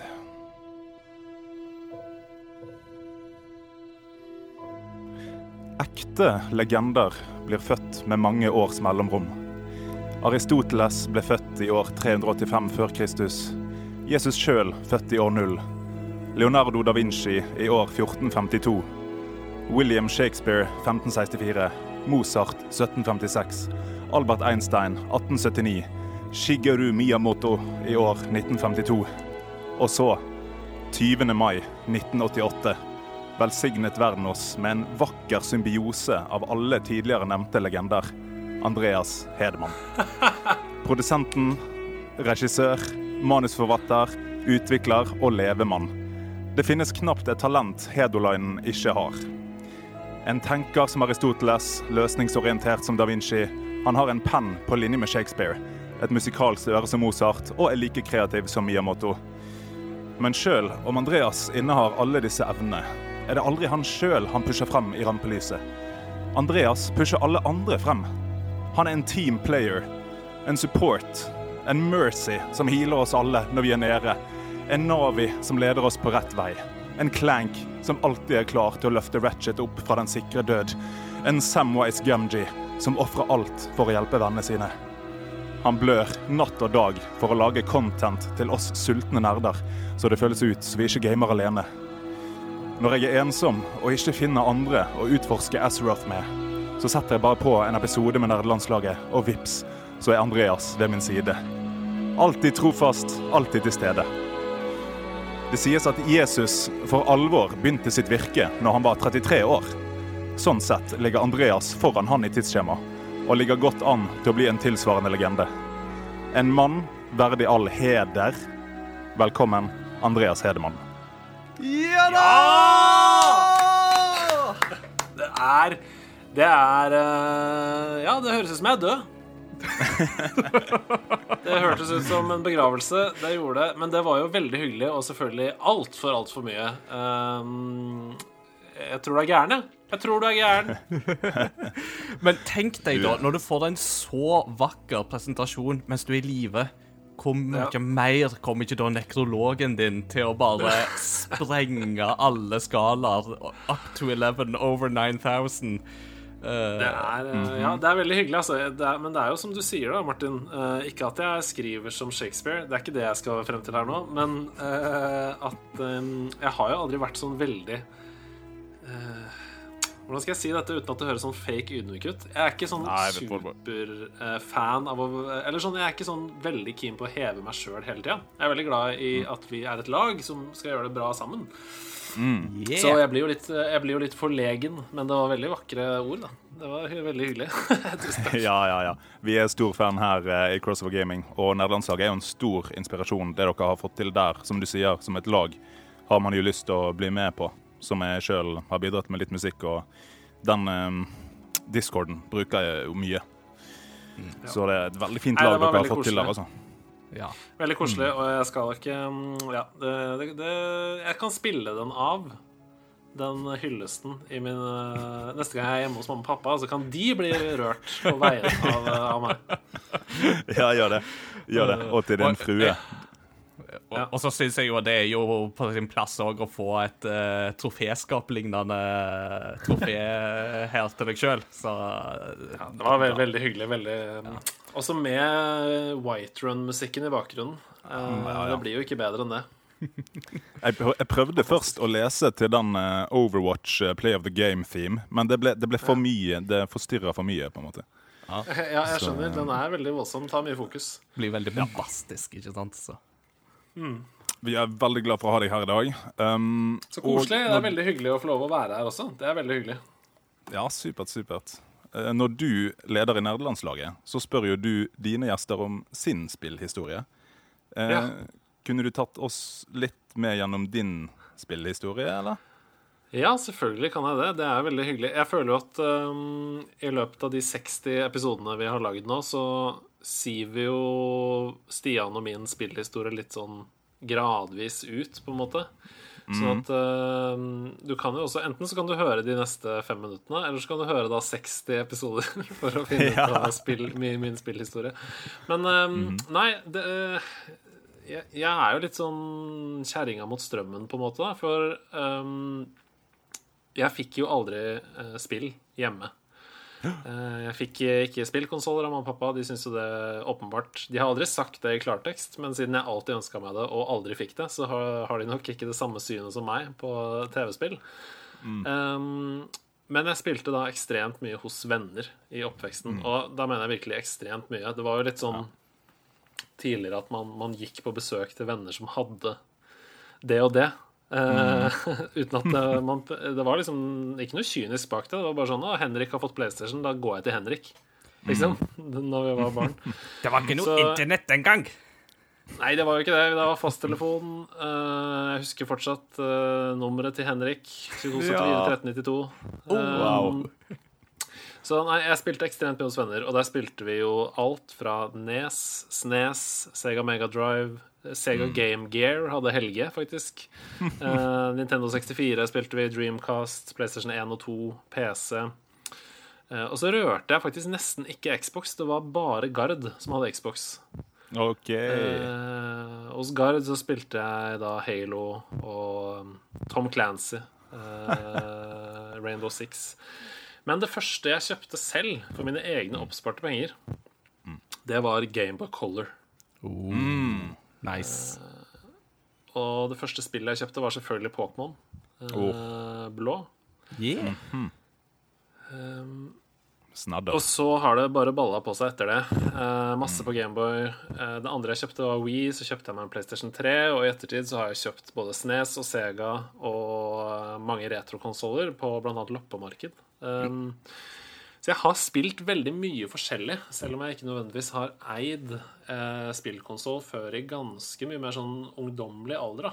Eh, Mitt første liksom Jeg husker jo at jeg spilte spill som liksom Jessball på PC. Eh, det derre spillet hvor du skulle dele inn eh, et rom, et, en rektangel, i ulike firkanter for å fange små baller i mindre rom. Det var en slags sånn minesveiperaktig Windows 95-spill. Men, eh, men ja. Eh, så jeg har spilt veldig mye.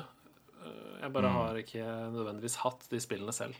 Snakka jo Jeg skal avslutte nå, men jeg snakka jo i nederlandslaget nå nylig om den dagen pappa kom hjem med en PC som kunne spille PC-spill for første gang. Og det var eh, Ja. Da ble det Kaptein Sabeltann og de store ildprøvene. Det ble Lemmings. Det ble masse fra, helt fra Windows 3.11-tiden og fram til i dag. Ja, det var smooth å høre på. Uh, og, og, og vi får jo inntrykk absolutt at uh, det ble spilt masse uh, i ungdommen òg, selv om dere ikke hadde så mye sjøl. Altså, dere har jo dette her side denne sidepodkasten deres, der dere går gjennom spillhistorie Sidequest, ja. og Sidequest, var det jeg mente, ja. Og det er jo en fryd å høre på. Det er jo Ja, ja. kjempegøy å bare på en måte gå gjennom de ordene sjøl. Og det er bare sånn Kommer, kommer de til å nevne det? Kommer de til å nevne det? Kommer Metal Gear Solid? Ja, ja, det kommer Metal Gear.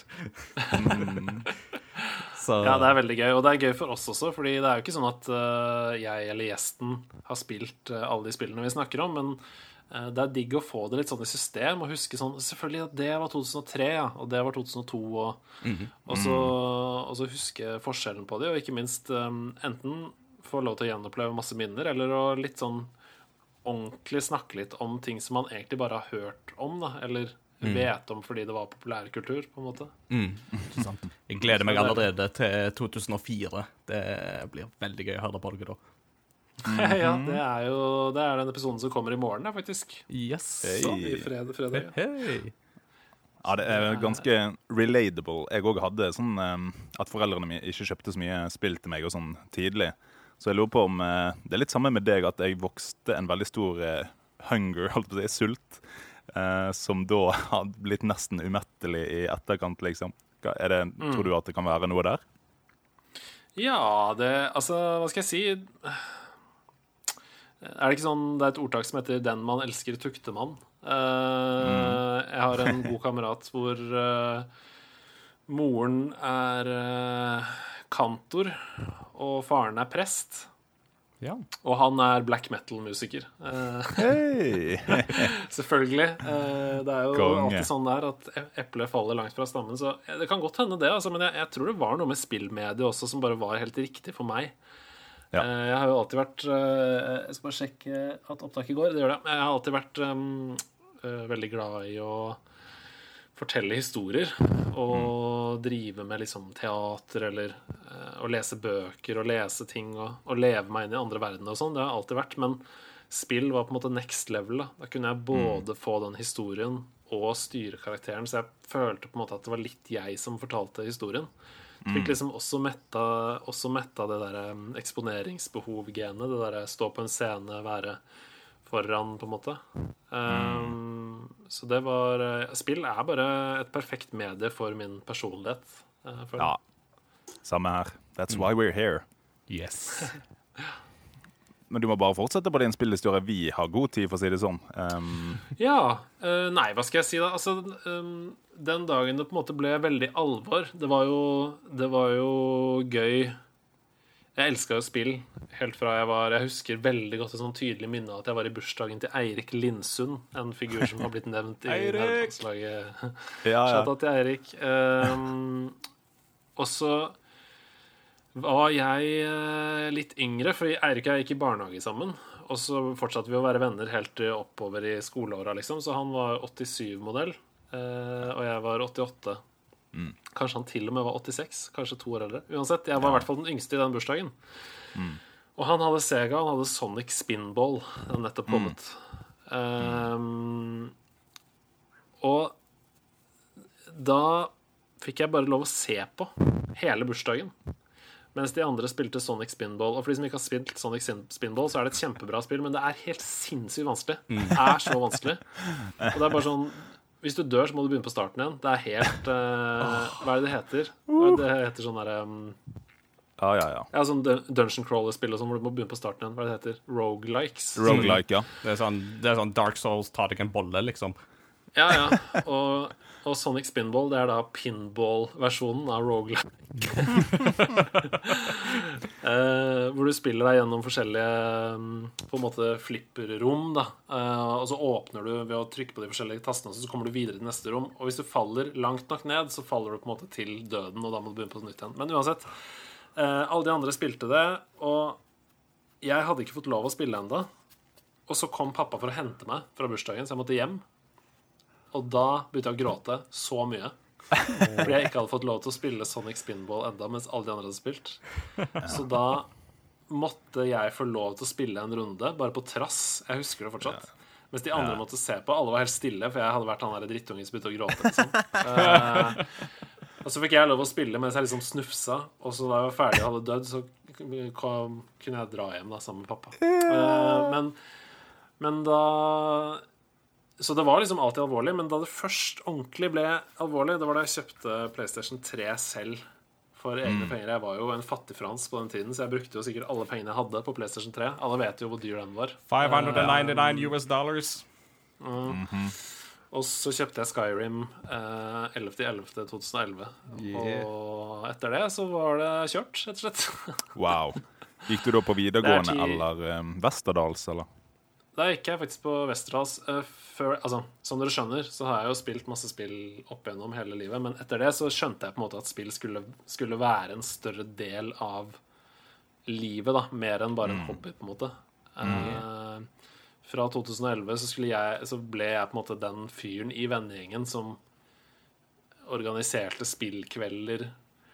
Uh, det var aldri noe spørsmål hvis noen hadde lyst til å spille Mario Party, så var det hos meg vi gjorde det, liksom.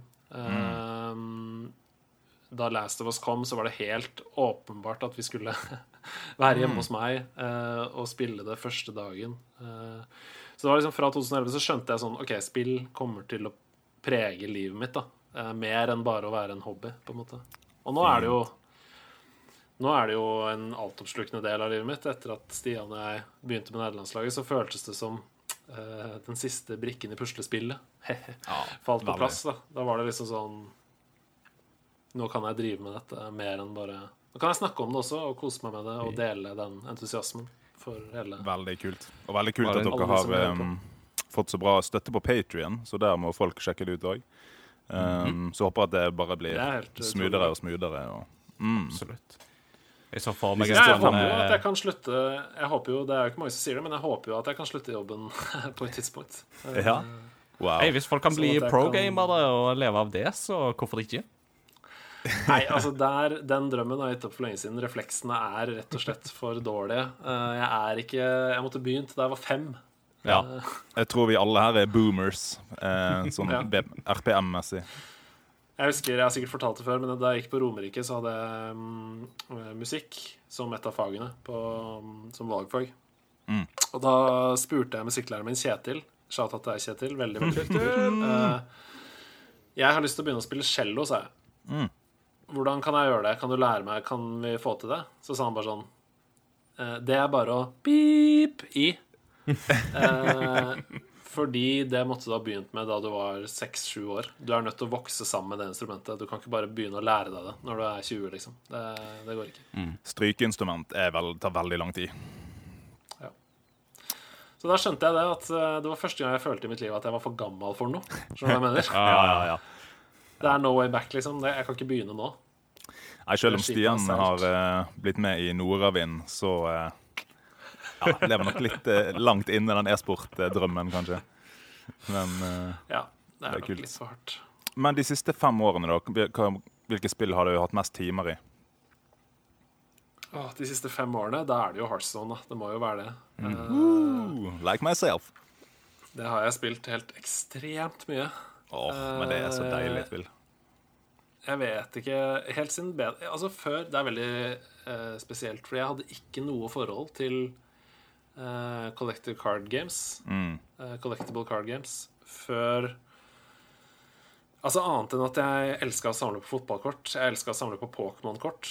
Eh, jeg spilte aldri Pokémon som et sånt CCG. eh, men um, jeg hadde ikke noe forhold til det før jeg prøvde Hearthstone. Jeg hadde heller nesten ikke noe forhold til Blizzard-universet, tro det eller ei. Altså, jeg hadde så vidt vært borti World of Warcraft.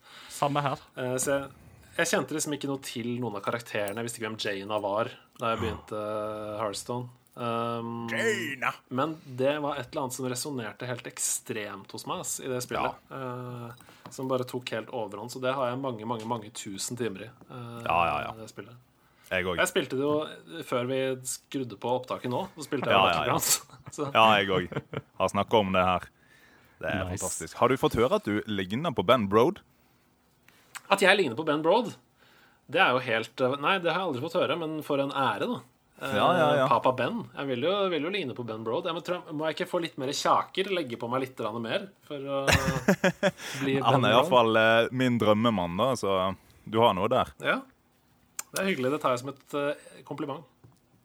Ja, jeg òg hadde jo spilt Pokémon og Magic the Gathering, og så kom Heartstone, og jeg var bare helt oppslukt. Og mm, jeg vil si min favorittklasse er Warlock. Har du en favorittclass? Er det Mage? Det er vanskelig å ikke si mage, um, men det er på en måte også litt sånn Jeg vet ikke hvordan man skal sammenligne dette, men da jeg var kid, så var det råeste i verden var å huske, på en måte. Jeg har spilt mange Nei, jeg har huska i veldig mange timer i mitt liv. Men det er ikke det råeste jeg vet nå lenger. Nei, nei, nei. Hvis du skjønner hva jeg mener? Metaen forandrer jo seg. Ja, ja, jeg begynte, jeg begynte Hearthstone som en one trick pony. Jeg spilte kun mage. Altså virkelig kun mage. eh, Før jeg i det hele tatt vurderte å spille noen andre. Jeg syns Warlock var kjempevanskelig. Og her skal jeg ta damage for å få kort. Hva er greia med det? Eh, som jo er en av de aller beste hero-parene i hele spillet. Uh, men Yep. det skjønte jeg jo ikke da. Eh, så det tok litt tid. Nå, nå liker jeg å variere mellom alle klasser og, og liker alle ulike decks. Men jeg skal si favoritthero nå oh, Jeg har et eller annet sånt weak spot for um, Warrior, altså. Ja. Uh, og det er fordi jeg syns Control Warrior kan være så utrolig fett. Yes. Du får litt mer um, makt til å influere kampen, ja.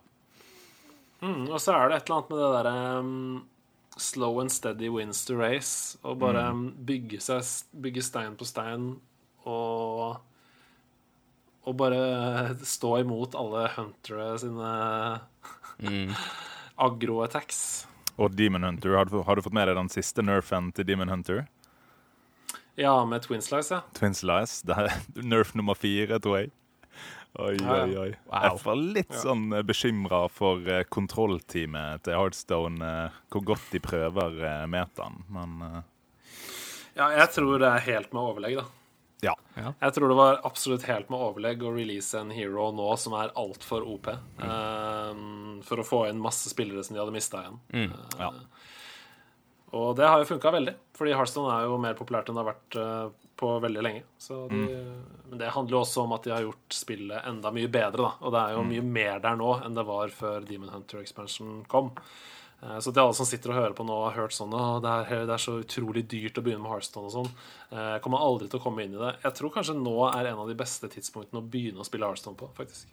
ja, ja, nå får du jo gratis en competitive deck når du um, kommer inn. Og det er flere decks i metaen som ikke koster noe særlig dust, og som er helt kompetitive. Face Hunter, for eksempel. Veldig, veldig kult. Er det noe mer du vil tilføye på din spillhistorie, eller? eh? Eh, nei, ikke annet enn at jeg syns det er veldig trist at jeg har spilt så lite Xbox. Ja, Eh, det gjelder meg òg. jeg spilte Jeg spilte de første 20 timene, tror jeg Nei, mer enn det, vet du. 30 timene, kanskje, av Skyrim på Xbox. Ja. Hos uh, Stian, en kompis av meg, som alltid har hatt Xbox. Og det var det som vippa meg over kanten til å kjøpe min egen konsoll. Jeg ble så, ble så oppslukt i det. Ja. Um, og, og jeg syns det er veldig veldig trist at jeg ikke har fått oppleve i større grad eksklusivene Gears of War eh, selv da hjemme, eh, Halo, eh, Forza ikke minst. Mm, eh, spill som jeg vet at jeg hadde satt veldig pris på og kost meg med. da Ja, for du er jo Eh, Gran Turismo-mann. Ja, det er definitivt. Ja. Jeg gleder meg veldig til Syv, Ja. som nå kommer på PS5. Jeg òg. Jeg er òg en Men- som har kjørt men- 24-timersløpene i eh, GT3, for å si det sånn. Oh, wow. Det er helt, det er, du vet jo hvor fantastisk følelse det er å gjøre det, og ta det altfor seriøst. Det er det som er gøy, når man, når man tar de 24-timersløpene så seriøst at uh, folk som kommer utenfra, tenker sånn hva, hva er det som skjer her? Hva er det du driver med? Så jeg er med deg når Stian disser deg for de greiene der. Da. I'm with you, bro. Ja, det er koselig. Nei, men um, hva var det jeg skulle si? Ja? Jeg tror kanskje Jeg tror kanskje det går mot at denne generasjonen blir første gang jeg er nødt til å ha både Xbox Series X og PS5. Yeah. Og nå er det vel dyrere enn noensinne. Ja, Men, men nå er det på en måte jobben min litt òg, da. ja, ja, ja. Mm. Det føles mye viktigere nå at jeg, at jeg har begge deler. Og så er jeg Det er et eller annet med Xbox som jeg syns er fett. Ass. Jeg liker den kontrollen. Jeg, Ja. altså, altså, ja, nei, så Det er vel kanskje det som jeg er mest lei meg for. At jeg ikke har eh, spilt mer Xbox. Jeg, jeg føler jeg har PlayStation og Nintendo eh, ekstremt under huden. Og nå har jeg også en gaming-PC, så men, men Xbox er et hull for meg. Altså. Ja. Nei, men det er noe med det, som du sier, å kjøpe det for kompetansebygginga og bredden sin del. Så er det jo Det blir jo det samme her òg. Så når eh, begge er forhåndsbestilt og Xboxen blir nok ikke så mye brukt, jeg er redd for. Det kommer litt an på hva de stiller med. Men uh, igjen, det å ha muligheten til å drive research er viktig. Yes. Ja, så tror jeg jeg har ganske høye forhåpninger til Halo Infinite. ass. Ja, det Når det går eh, rykter om at det på en måte er en open world uh, og sånn, da blir jeg Ja. Det rister i, min, i, mitt hypemeter da, for å si det sånn. My body is ready. Konge. Jeg har eh, to kjappe spørsmål, så kan vi gå til um, temadelen. Eh, spørsmål Ja. nummer én. Hvor mange timer jobber du i uken? Åh, shit. Det er eh, Men skal vi tenke at nerdelandslaget er jobb da, eller? Ja. Det, I det, det, tillegg til vanlig jobb? Ja. Uff, det er skummelt å si høyt, altså. Fordi da innser du jo selv hvor mye det er. Men eh, jeg, må prøve, jeg har ikke tenkt så nøye over det. Jeg må prøve å tenke litt gjennom, da. Jeg jobber jo Ja, det kommer litt an på hvis vi er i produksjon på jobb også. Jeg jobber jo i et produksjonsselskap, for de som ikke vet det, som produsent. Og der lager vi TV, radio, podkast, reklame. Eh, og det går jo veldig i bølger. Eh, når man er i innspillingsperiode, så kan det være tolvtimersdager, liksom. eh, uten problemer. Mens andre dager kan det være helt vanlig ni til fem, eller kortere til og med. eh, Bare for å bøte på at det er så lange dager når det er innspilling. Men eh, si at jeg i gjennomsnitt jobber eh, 40 timer i uka da, på min dayjob. Så ja det er, Å, shit, altså. Det er sikkert tett opp på 60 timer i uka. Mot, inkludert, inkludert nerdelandslaget. Fordi jeg gjør jo det. Hvis du tenker på skriver jo alt av manus til alle episodene. Eh, klipp, klipper alle episodene. Eh, sørger for alt det kommersielle samarbeidet og reklamene og sånn. Uh, og drifter jo også Svarer på alle meldingene på Instagram, Facebook, Twitter. Wow. Så ja, det er vel kanskje 60, noe sånt. Sikkert minst. Det er veldig imponerende. Da snakker vi jo japanske tilstander. Ja, altså, Jeg blir litt sånn redd for at uh, vi ser sånn overskrift uh, Andreas Hedemann, 'Death by Karoshi'. Uh, altså overwork. Men det som er viktig å huske, da, det er veldig veldig viktig å huske, og det er at nerdelandslaget er Vi har snakka om det også før i podkasten, men nerdelandslaget er en energigivende aktivitet. Det er liksom der hvor folk, andre, andre folk eh, spiller innebandy, eller klatrer i en vegg, eller jogger en skjermtur, så er det på en måte nerdelandslaget for meg. Eh, jeg, jeg får energi av å spille inn de podcastene. Jeg får energi av å svare folk på Facebook og henge på Discord og, og, og spille med folk og sånn. Det er, Jeg kan ikke si at det er jobb. Eh, Det er, eh, det er en hobby som Leo Ajkic kaller en jobby. Du må få Jobby. deg en jobby, mann. En jobb i Tjommi.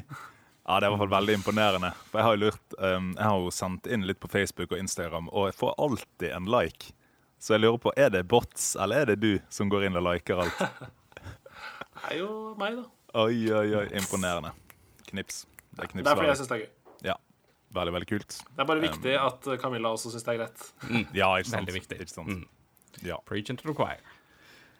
Sist Da er det spørsmål um, til. Ja. spørsmål. Det trenger ikke være offisiell fasit. Jeg bare lurte på hva er dine topp tre spill sånn for din ever, liksom. Åh, shit. Det er jo helt umulig. Mine Ja. tre beste spill noensinne. Det trenger ikke være endelig fasit, men uh, favoritter, da. Uh, da bare sier jeg tre spill, jeg. Jeg har ikke tenkt meg om. Eh, og det kan godt hende at dette er helt feil, men jeg sier The Last of Us, eh, Den lengste reisen og Portal 2.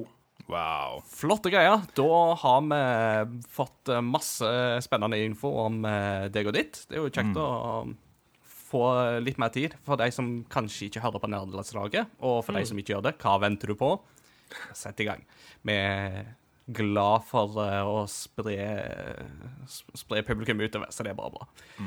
Men eh, dagens tema, det har vi satt med den gjeve overskriften 'Når spill forandrer verden'. Og da er det jo kanskje noen som har begynt å trekke, trekke trådene. Så jeg skrive strekene sammen. Eh, connect the dots var ordet jeg var på jakt etter. For uh, Andreas, det er jo ikke så veldig lenge siden at uh, du og Stian hadde et eh, formidabelt prosjekt på gang. Dere kjørte 12 timer stream. Dere hadde dette til inntekt for Unicef. Unicef. Uh, Til annet kampen mot koronaviruset. Og i løpet av disse tolv timene så har dere samla inn over 600 000 kroner. Det i seg sjøl fortjener jo en aldri så liten applaus. Jippi! Og eh, dette er jo ikke første gang eh, gaming blir brukt i Norge til veldedige formål og spillsammenheng og samle inn penger, men eh, det er en Altså, jeg vet jo at eh, Rad Crew i alle fall har jo hatt noe til Amnesty og sånt før, men eh, dette er nok uten tvil den aksjonen som har fått best respons. Nå har det jo gått ca. en måneds tid, så vi får begynne med på en måte det klassiske sportsmål- sportsspørsmålet. Hva føler du nå? Akkurat nå, en måned etter. Nei, eh, det, altså Det vi følte rett etterpå, var helt sånn Vi var litt sånn sjokkskadd, tror jeg, egentlig, alle tre. Da Stian og Sebastian og jeg skrudde av streamen, så var vi veldig Vi var veldig sånn Å, shit, vi kunne gjort tolv timer til! øh». Og så tok det ett minutt, og så lå alle tre på gulvet. Eh, og, så, og så bare lå vi der i en time. Mens vi prøvde å liksom ta inn hva det var som hadde skjedd. eh, og recappa litt og snakka om høydepunktene, og, og det var veldig hyggelig. Men det handla jo ikke om oss i det hele tatt. Det handla jo om alle de som var der, og det vi fikk til sammen. Eh, og man ble veldig sånn jeg, jeg, er, jeg vet ikke om det er noe bra ord for det på norsk, fordi det oversettes på en måte til ydmyk, men man blir veldig humbled av en sånn situasjon. Eh, for det er liksom sånn eh, Vi er jo bare tre tullinger, liksom, som sitter og fjaser og prøver å lage underholdning og holde showet gående. Og vi, vi, det er jo det vi jobber med. Det er jo det som er jobben vår, er å lage underholdning. Eh, men jeg tror nok alle som har jobbet i liksom, TV og, og underholdningsbransjen i livet sitt, føler sånn Ja, men jeg gjør ikke en ekte jobb. Jeg gjør ikke noe ekte. Jeg er ikke lege, liksom. Jeg går ikke på jobb og redder liv eller er en ambulansesjåfør eller en brannmann eller sånn. De har jo ordentlige jobber. Men den dagen så følte vi kanskje for en av de første gangene i livet at vi gjorde en forskjell, en ordentlig forskjell for folk. Mm. Og det var utrolig fint, og noe jeg aldri kommer til å glemme. Eh, og det er jo ingenting man ønsker seg mer, selvfølgelig, enn å få lov til å hjelpe de som trenger det. Mm. Så at vi kunne slå hodene våre sammen og leke oss fram til 600 og nærmere 50 000, det var jo helt fantastisk. Hmm. jeg håper, jeg håper virkelig at uh, At man at det, gjorde en, at det fikk enda større ringvirkninger. Da, på en måte. At det ikke var bare det engangsbeløpet, men at saken kom litt fram i panna på folk. Og at kanskje noen ble faddere um, for litt sånn lengre perspektiv. Og, og ikke minst, det som var det feteste Nå skal jeg slutte å snakke, men det som var det feteste, var at da jeg kom tilbake på jobb på mandag, så var jo folk på jobb helt sånn her. Eh, hva skjedde på fredag? Eh, og, og ikke nødvendigvis fordi eh, det var sånn Shit, jeg visste ikke at nerdelandslaget var så stort. Det var ikke det som var fokuset. Fokuset var Jeg visste ikke at gaming var så stort.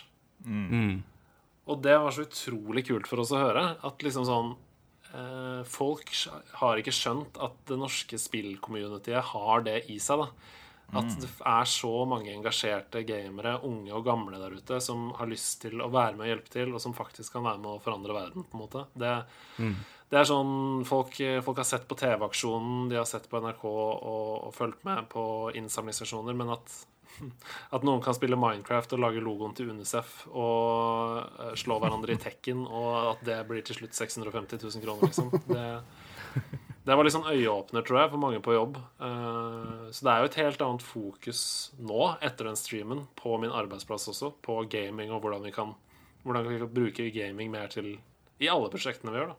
Så det er veldig kult. Fett. Ja, den Minecraft-serveren var jo ekstremt imponerende. Altså, snakk om kreativitet og alt som var laget der. Altså Unicef-logoen, og det var så sykt mye. Og det viser jo litt av engasjementet og passionen som dere får med dere hele laget på, da. Jeg tror en av mine favorittting der inne var Solan Gundersen med en stor trillebår og epler som falt fra himmelen ned i trillebåren. Det var det mest Der var de, der var de forhatte eplene. Yes. Det er ikke epler! Det er ikke epler! var da var Stian. Blipp som eh, ikke godtok at eh, Sola Gundersen kan refereres med epler som jeg syns er helt OK, pga. på grunn av Flåklypa-spillet, der han skal samle epler. Og det er helt rett. Det er epler. Uh, men uh, fortell nå uh, litt grann prosessen bak. Altså, Hvordan begynner en sånn ball som dette her å rulle in the first place? Ja, altså Unicef tok eh, kontakt med oss og spurte kan vi gjøre noe. Kan vi finne på et eller annet? Eh, og så foreslo vi at vi kunne gå for en tolvtimers-stream. Eh, Stian hadde hatt en tolvtimers-stream bare et par uker, tre uker tidligere.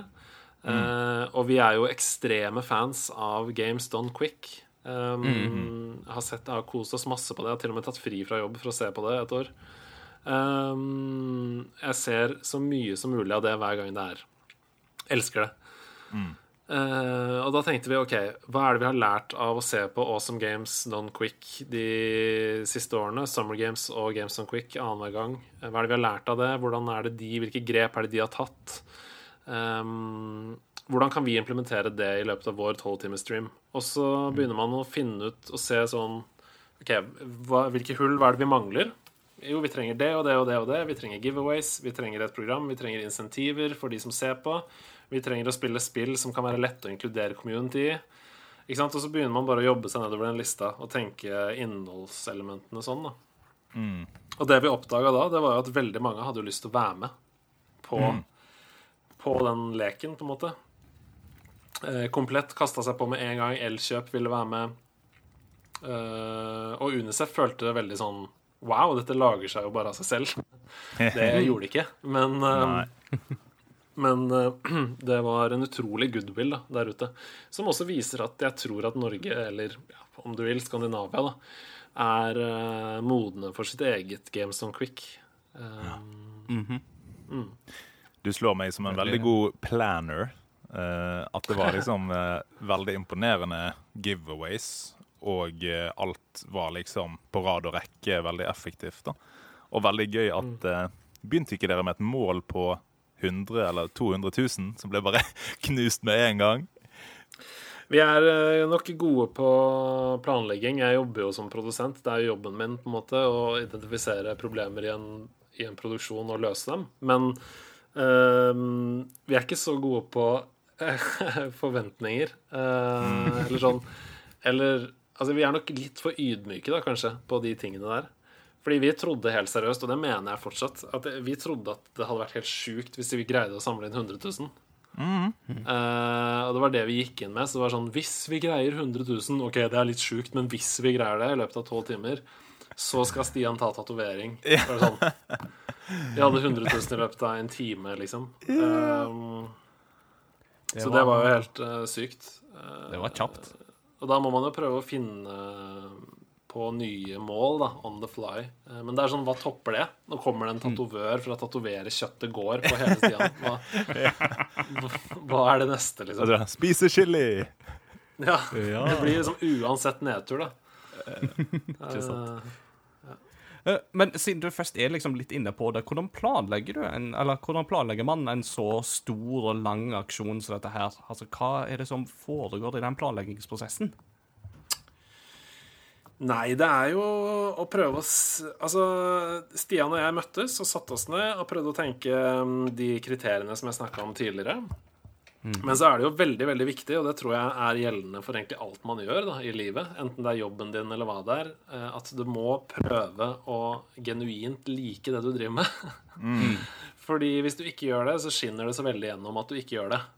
Um, og spesielt når du da skal streame for uh, en hel gjeng med folk og prøve å liksom inspirere til å gi penger til en god sak, så er det du holder på med, nødt til å være noe du liker å drive med. Så derfor så var det sånn OK, vi kan ikke spille spill som vi vet er populære, men som vi hater, eller som vi ikke liksom får noe ut av å spille. Det, det kommer ikke til å bli noe bra innhold uansett.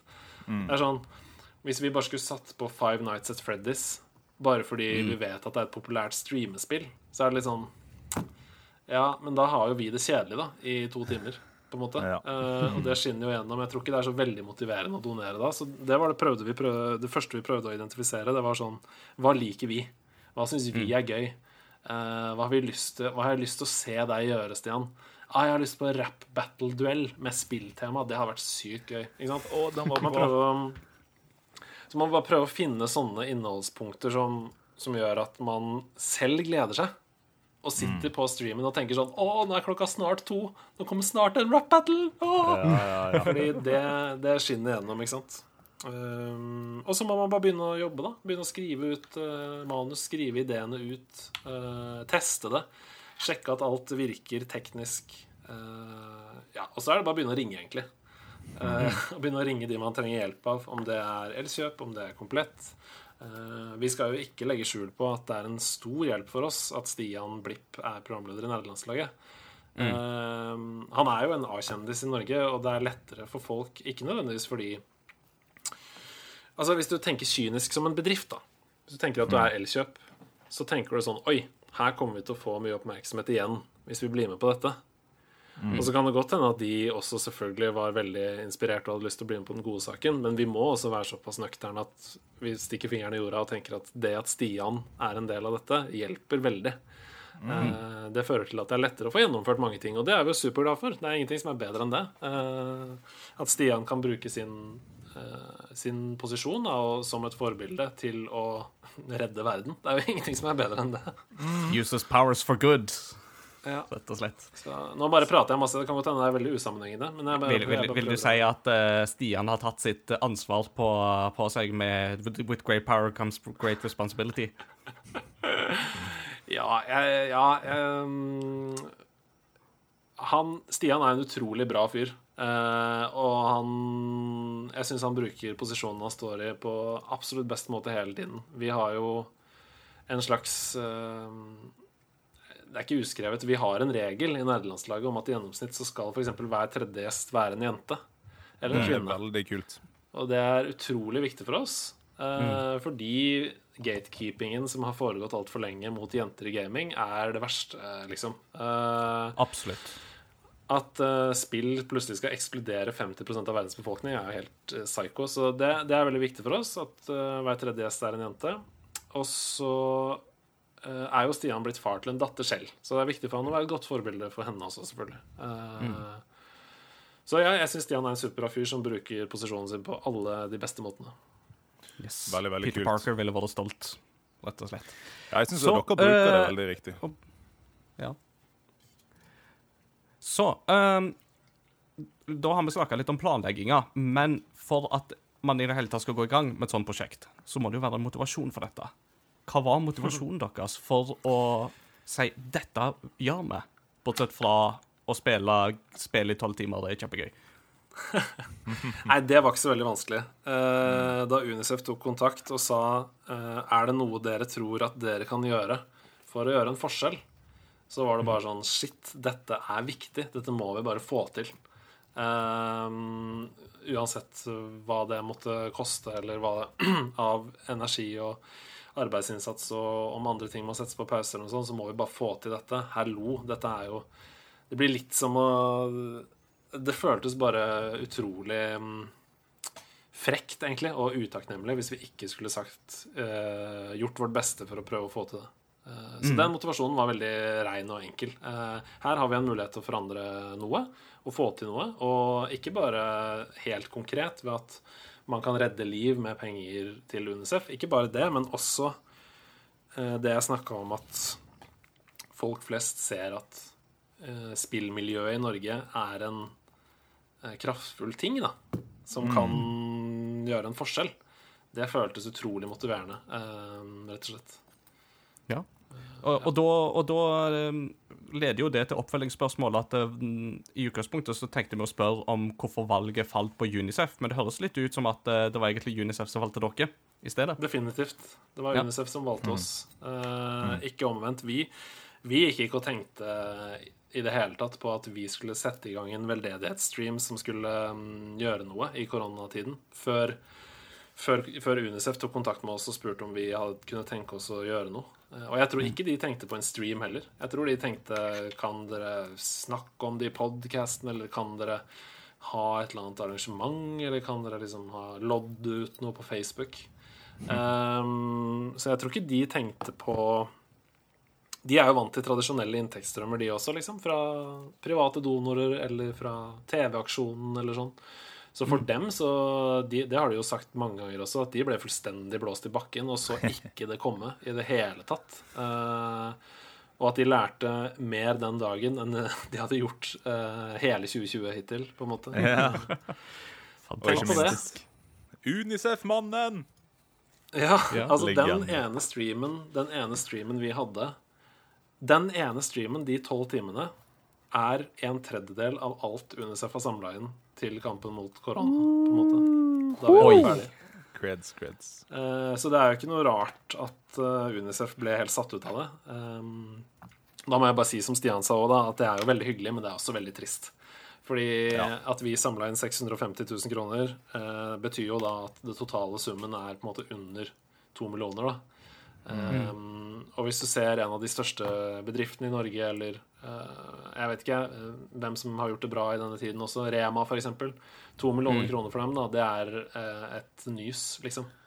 Ja. Eh, så hvis, hvis viljen hadde vært der, så kunne jo de med dype lommer bare ha knipsa, og så hadde verden vært et bedre sted. Men det blir en helt annen diskusjon.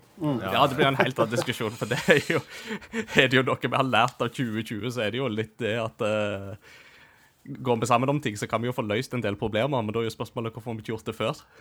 Så, Eh, Martin, du hadde et eh, Altså, oppfølgingsspørsmål. det er veldig imponerende det dere fikk til, og hele nerdelandslaget. For å sette det litt i sammenheng, da. Jeg vet ikke om du fulgte med, Andreas, men uh, Bare Moro Impro med Christian eh, Mikkelsen og Emil, uh, de eh, hadde jo òg en sånn stream eh, for veldedighet. Da var det jo eh, Black Lives Matter og Dråpe i havet.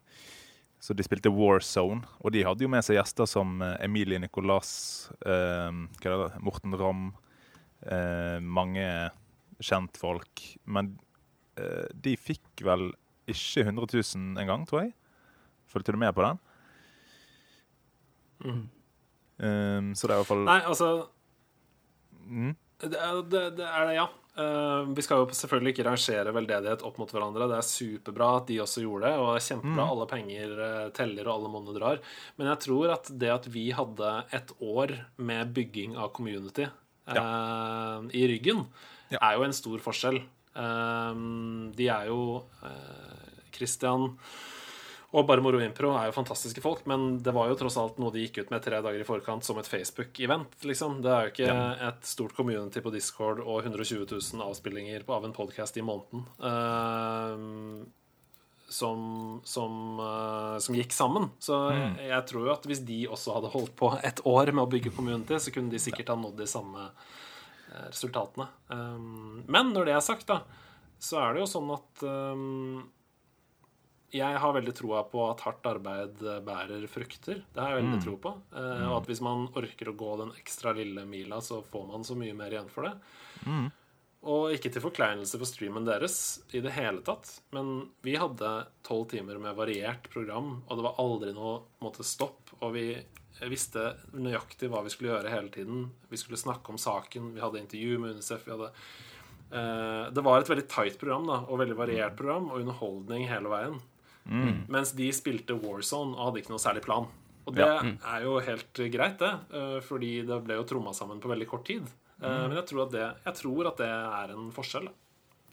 Yes. absolutt. Ja, det var, mest, det var bare ment som en sånn um, creds og veldig Ja, ja, og det, og det er veldig hyggelig. Jeg bare, hvis det er noe man skal ta med seg vekk fra det, så er det, må det være at de som hører på Jeg håper at det er en motivasjon til å gå ekstra, den ekstra lille mila eh, neste gang du har lyst til å lage noe eller gjøre noe. Eh, fordi det blir Du får masse igjen for det. Hver eneste gang. Så de må ha en plan, de må ha en plan, og de må ha en plan. Ja. Eh, Så må de ha det gøy, så må de ha det gøy Ja, hele tiden. ikke minst. Og ikke minst må ha det gøy. Det er jo grunnregelen. Eh, helt til slutt så tenkte vi òg på at dere har jo nevnt i etterkant at eh, dette har dere lyst til å få til igjen. Eh, kanskje på en årlig basis, det får jo tida vise, men i alle fall om vi et års tid, så har dere lyst til å få til noe lignende igjen. Eh, har dere begynt å planlegge dette allerede? Ja, hva skal jeg si til det, da? Hva har du lov å si, er jo spørsmålet. Det, vi, vi har ikke Det er ingenting som konkret har manifestert seg. Så det er ikke sånn at vi sitter og velger ut datoer som og har leid et lokale, liksom. Men det er jo ikke til å stikke under en stol at Stian og jeg, som jeg sa innledningsvis, er veldig veldig fan av GameStone Quick. Og jeg sier ikke at vi skal speedrunne spill eh, til veldedige formål, men å ha en veldedig gamingaksjon som går døgnet rundt i 48 timer eller mer, altså enten en helg eller en uke, det kan jeg ikke se for meg at jeg ikke skal gjøre. i løpet Hei, hey, hey. hei. Gran Turismo uh, go home. Ja, eller hvis du ser, ser for deg GameStone Quick, da. Um, folk som av en eller annen grunn er eh, dyktige eh, i et spill, eller kan noe spesielt innenfor gamingen. Um, jeg har lyst til å arrangere noe sånt. Jeg har det. Så vi, vi snakker jo om det, selvfølgelig. Og jeg tror ikke det er så vanskelig, egentlig, heller. Man trenger bare et hotell og masse entusiasme. Ja, så der har dere hørt det, folkens. Hvis du har et hotell, så går det veldig, veldig bra. Hvis du hører på Petter Stordalen, så ring. Vi, Ja. vi trenger Choice- Choice-hotellet ditt. Ja da. Petter er jo fast lytter av Crossover Gaming, vet du ikke det? Jo, Det kommer ut på en mandag! Nei da. Eh, da Jeg har i alle fall brukt opp de spørsmålene jeg hadde, men jeg vet ikke, er det noen som har oppfølgingsspørsmål de vil skyte inn helt til slutt? Nei, det ristes på hodet. Jeg må bare si ja. all honnør til Sebastian òg, altså. Han er eh, en fantastisk karakter som jeg håper eh, dere bruker eh, så mye som mulig i nederlandslaget. Veldig engasjerende og smittsom vesen. Ja. Altså, vi er jo veldig veldig glad i alle gjestene vi har hatt på besøk. Men det er jo en grunn til at vi begynte hele nerdelandslaget med Hasse og Sebastian. Eh, og det er jo i de to første episodene, og det er jo fordi vi er superfan av dem. Eh, de kan utrolig mye om spill. De er utrolig flinke, underholdende mennesker med masse smart inni hodet sitt. Eh, så det er ikke tvil om at begge de to kommer til å være en del av nerdelandslaget-universet for all fremtid. Eh, og vi har jo også et mål, et mål på Patron, hvor hvis vi når det, så ønsker vi å betale begge to for å kunne være Kunne ha f.eks. sin egen serie på YouTube-kanalen vår. da Eh, Eller lage en egen, et eget sideprosjekt under nerdelandslaget fanen. Eh, Støttes. Nice. Da vet dere det. Hvis dere ikke har sjekka ut den patrionen allerede så, og vil ha mer av Sebastian og Hasse, så kjør på. Det Og så gleder vi oss selvsagt til å se hva dere får til videre eh, av denne typen arbeid. Det er kjempeinspirerende, og vi gir eh, to tomler og to store tær opp for eh, det prosjektet. Yes. Er det en vanlig måleenhet i crossover gaming? To tær? Er det Ja. Det er helt nytt. Det tror jeg må bli neste catchphrase. To tær opp. Ja. Føttenes herre, to tær? Yes. To tær, rett og slett. For dette er en hebreke pachinko-kontroller til Super Nintendo. It's curiosity. What are you gonna show to me? It's curiosity. What a neat thing to know. It's curiosity. What are you gonna show to me? What thing to know. It's a great part of the show. Ukens kuriositet går til eh, Mordor, eh, Middle Earth. Det er jo eh, først og fremst eh, litteratur, men òg mye spill. Eh, Og i filmene så har vi jo disse Nazgul-karakterene. og de har noen veldig skjærende skrik som de lager, da. Og siden jeg er litt sånn musiker- og lydinteressert, så måtte jeg finne ut hvordan lagde de disse skrikene. Og eh, jeg har gått på noe forum og funnet ut at det er egentlig tre ting som de bruker i dette skriket, som er blandet sammen. da. Og noen av dere vet kanskje den ene tingen. Ja, jeg vet. Oh, pick me, pick me, pick me. Ingar. Eh, det ene er Fran Walsh, uh, kona til Peter Jackson, og en av uh, produsentene, uh, slash medregissørene, til trilogien. Yes. Fran Walsh. ehm, det var sånn derre OK, vi har Nazgul-lyd, men vi trenger at den skal bli mer skjærende og piercing. Så, så sa Peter Jackson Hey, my wife can do that. og så er det et ekstremt skjærende hyl. Så ja, det er sånn ekstremt skjærende, som er òg den andre lyden, grisehyl, som de bruker inni der. Oh. Og uh, ut ifra disse forumene, mine, forumene så bruker de òg lyden av en hesteorgasme. Eh, Blanda inn i dette fine lydklippet. Eh, så tenk på det Oi, oi, oi. neste gang dere ser eh, Naskul og Ringenes herre. Yes. Dette tar jeg med. Eh, det skal jo her nevnes at mitt go to nick er jo Angmar i, disse her, eh, i gaming og sånt, men det er jo bare fordi at The Witch King of Angmar ble jo for langt. Så som en stor fan av Nazgulene, så syns jeg dette er kjempegøy. Wow. Uh, jeg må jo òg da skyte inn, hvis jeg får slenge inn en sånn ekstra kuriositet Vet du hvordan de har laga Balrog-lyden? Ja, de tar en stein og drar den langs bakken. De har tatt en sånn betongblokk sånne som er sånn hule i midten, og så drar de den langs bakken inne i en sånn gammel katakombe.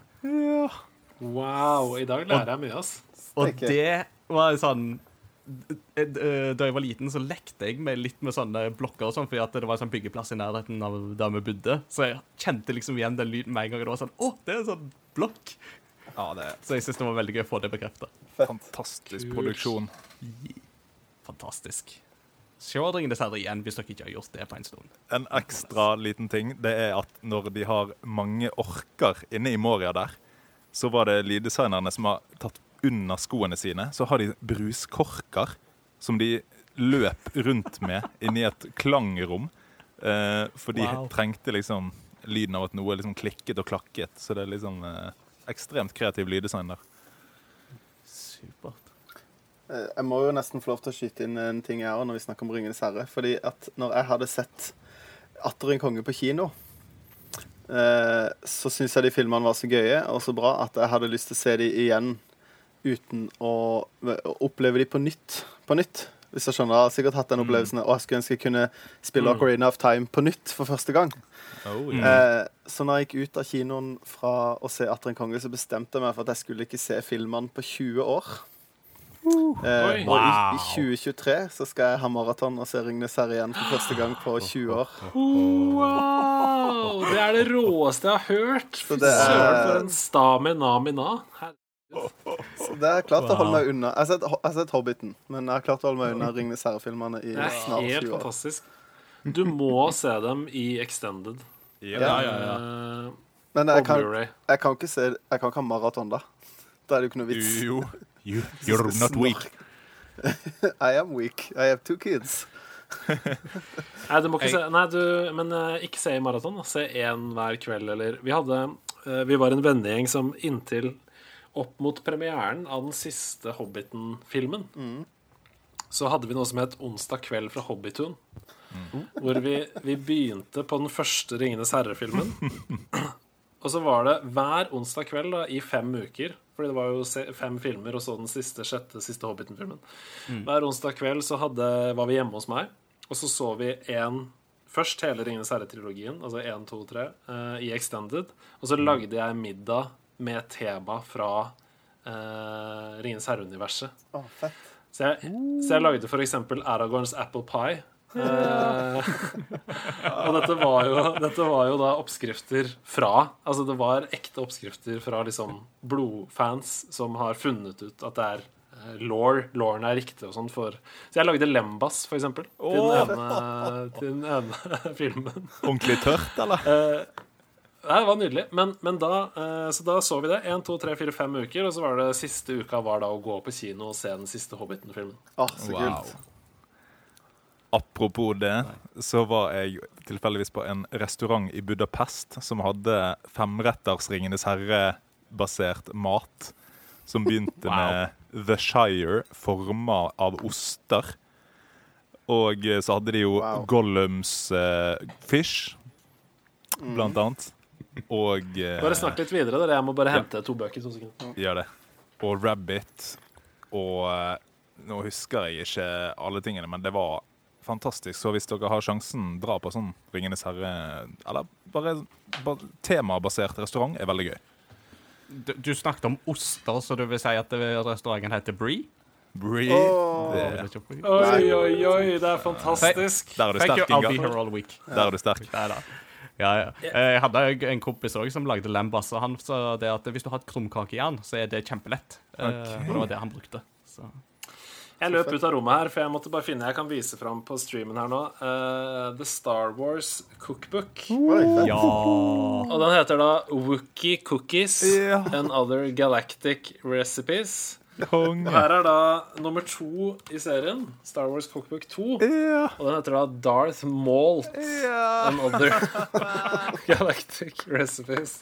Det er jo fantastisk. Det er fantastisk. Så Der har du for eksempel sånt som tongue-numbing nachos da, med Jar Jar Binks. Ja, fantastisk.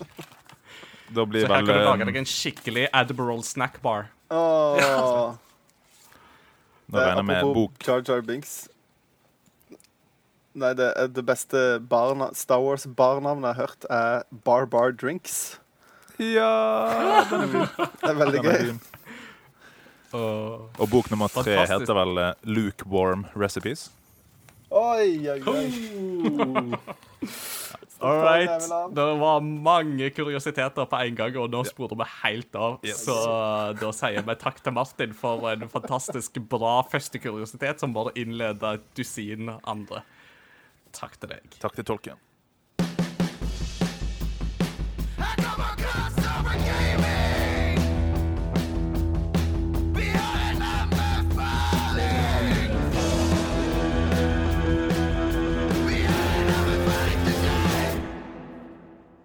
Jeg har tatt med meg litt av hvert jeg, i en liten pose med anbefalinger her. Eh, og det første jeg har lyst til å anbefale, det er et mobilspill, av alle ting. Uh, og eh, det mobilspillet, det heter Icicle. Ja. Uh, og ikke bicycle, men icicle. Og det er et ganske absurd, men veldig sånn vakkert puzzle-plattformspill. Hvor du er en naken fyr som sykler rundt på en bitte liten sykkel. Eh, og så er du i et sånt isunivers med farlige istapper som faller fra både altså, Som kommer opp av bakken, eh, eller som faller fra toppen. Det er en svær snøball som jakter på deg. Eh, det er masse forskjellige baner, og det er helt sånn Det er som en syretripp. Altså, det er akkurat som at du er i en drøm. Um, og introen er helt fantastisk. Ikke skip introen. Det, er veldig, det ser ut som sånn James Bond-intro, hvor da denne eh, lille mannen på den bitte lille eh, sykkelen blir dratt forbi liksom, kvinner som røyker sånn eh, sigarett med munnstykke, og, og har sånn paraply som han hopper med og sånn. Og det er, det er kjempe... Altså, lydbildet er fantastisk. Alt er fantastisk med det. Um, og det er helt syretripp, så jeg anbefaler det på det varmeste. Det er virkelig et terningkast seks mobilspill, men det er noen år gammelt nå, så jeg tror det har gått under radaren for de fleste. Eh, stikk og sjekk det ut. Icicle. Uh, det er faktisk Chilingo er det som har lagd det, det er selskapet. Mm. og det er utgitt av EA, av alle ting. Oi. Og det som er litt gøy, er vel et ordspillet på icicle med I sykle med Y i midten der, sant? Oi. Ja. Riktig. Det er det selvfølgelig. Ja. Uh, ja, det neste er en TV-serie.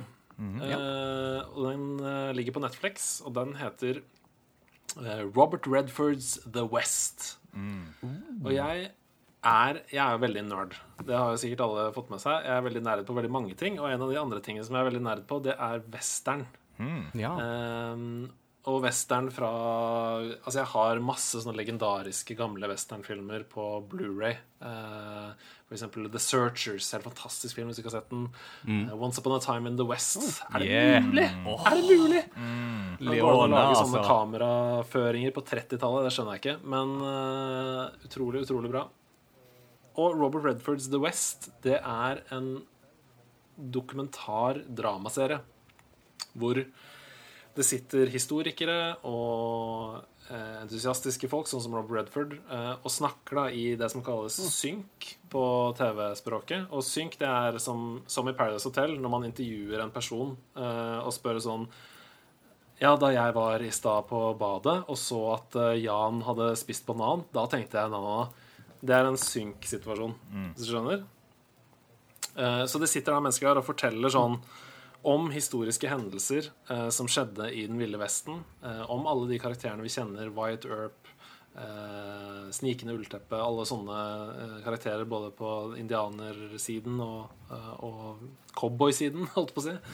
Eh, og forteller basically Amerikas historie da, mens det actes ut. Så det, det, det bytter mellom utrolig sånn flott dramaproduksjon, som er veldig high eh, production value, og de sånn, historikerne som sitter og forteller historiene. Uh, og det er veldig sånn eh, Jeg begynte å se på den dag jeg var litt sliten etter dagen før. Eh, jeg lå på sofaen uh, og bare satte det på, og så kjente jeg sånn jeg ble helt revet med. Jeg ble helt sugd inn i det. Uh, jeg syns det er kjempebra. Så hvis du er litt interessert i Den ville vesten, eller bare gode historier, eh, så er det absolutt verdt å se.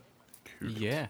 Opp Oppfølgingsspørsmål i den uh, forbindelse, uh, siden du er glad i westernfilmer og sånt. Uh, har du hatt noe dypdykk i noen av Kurosawa sine samuraifilmer som inspirerte en del av disse store For der er jeg veldig fan.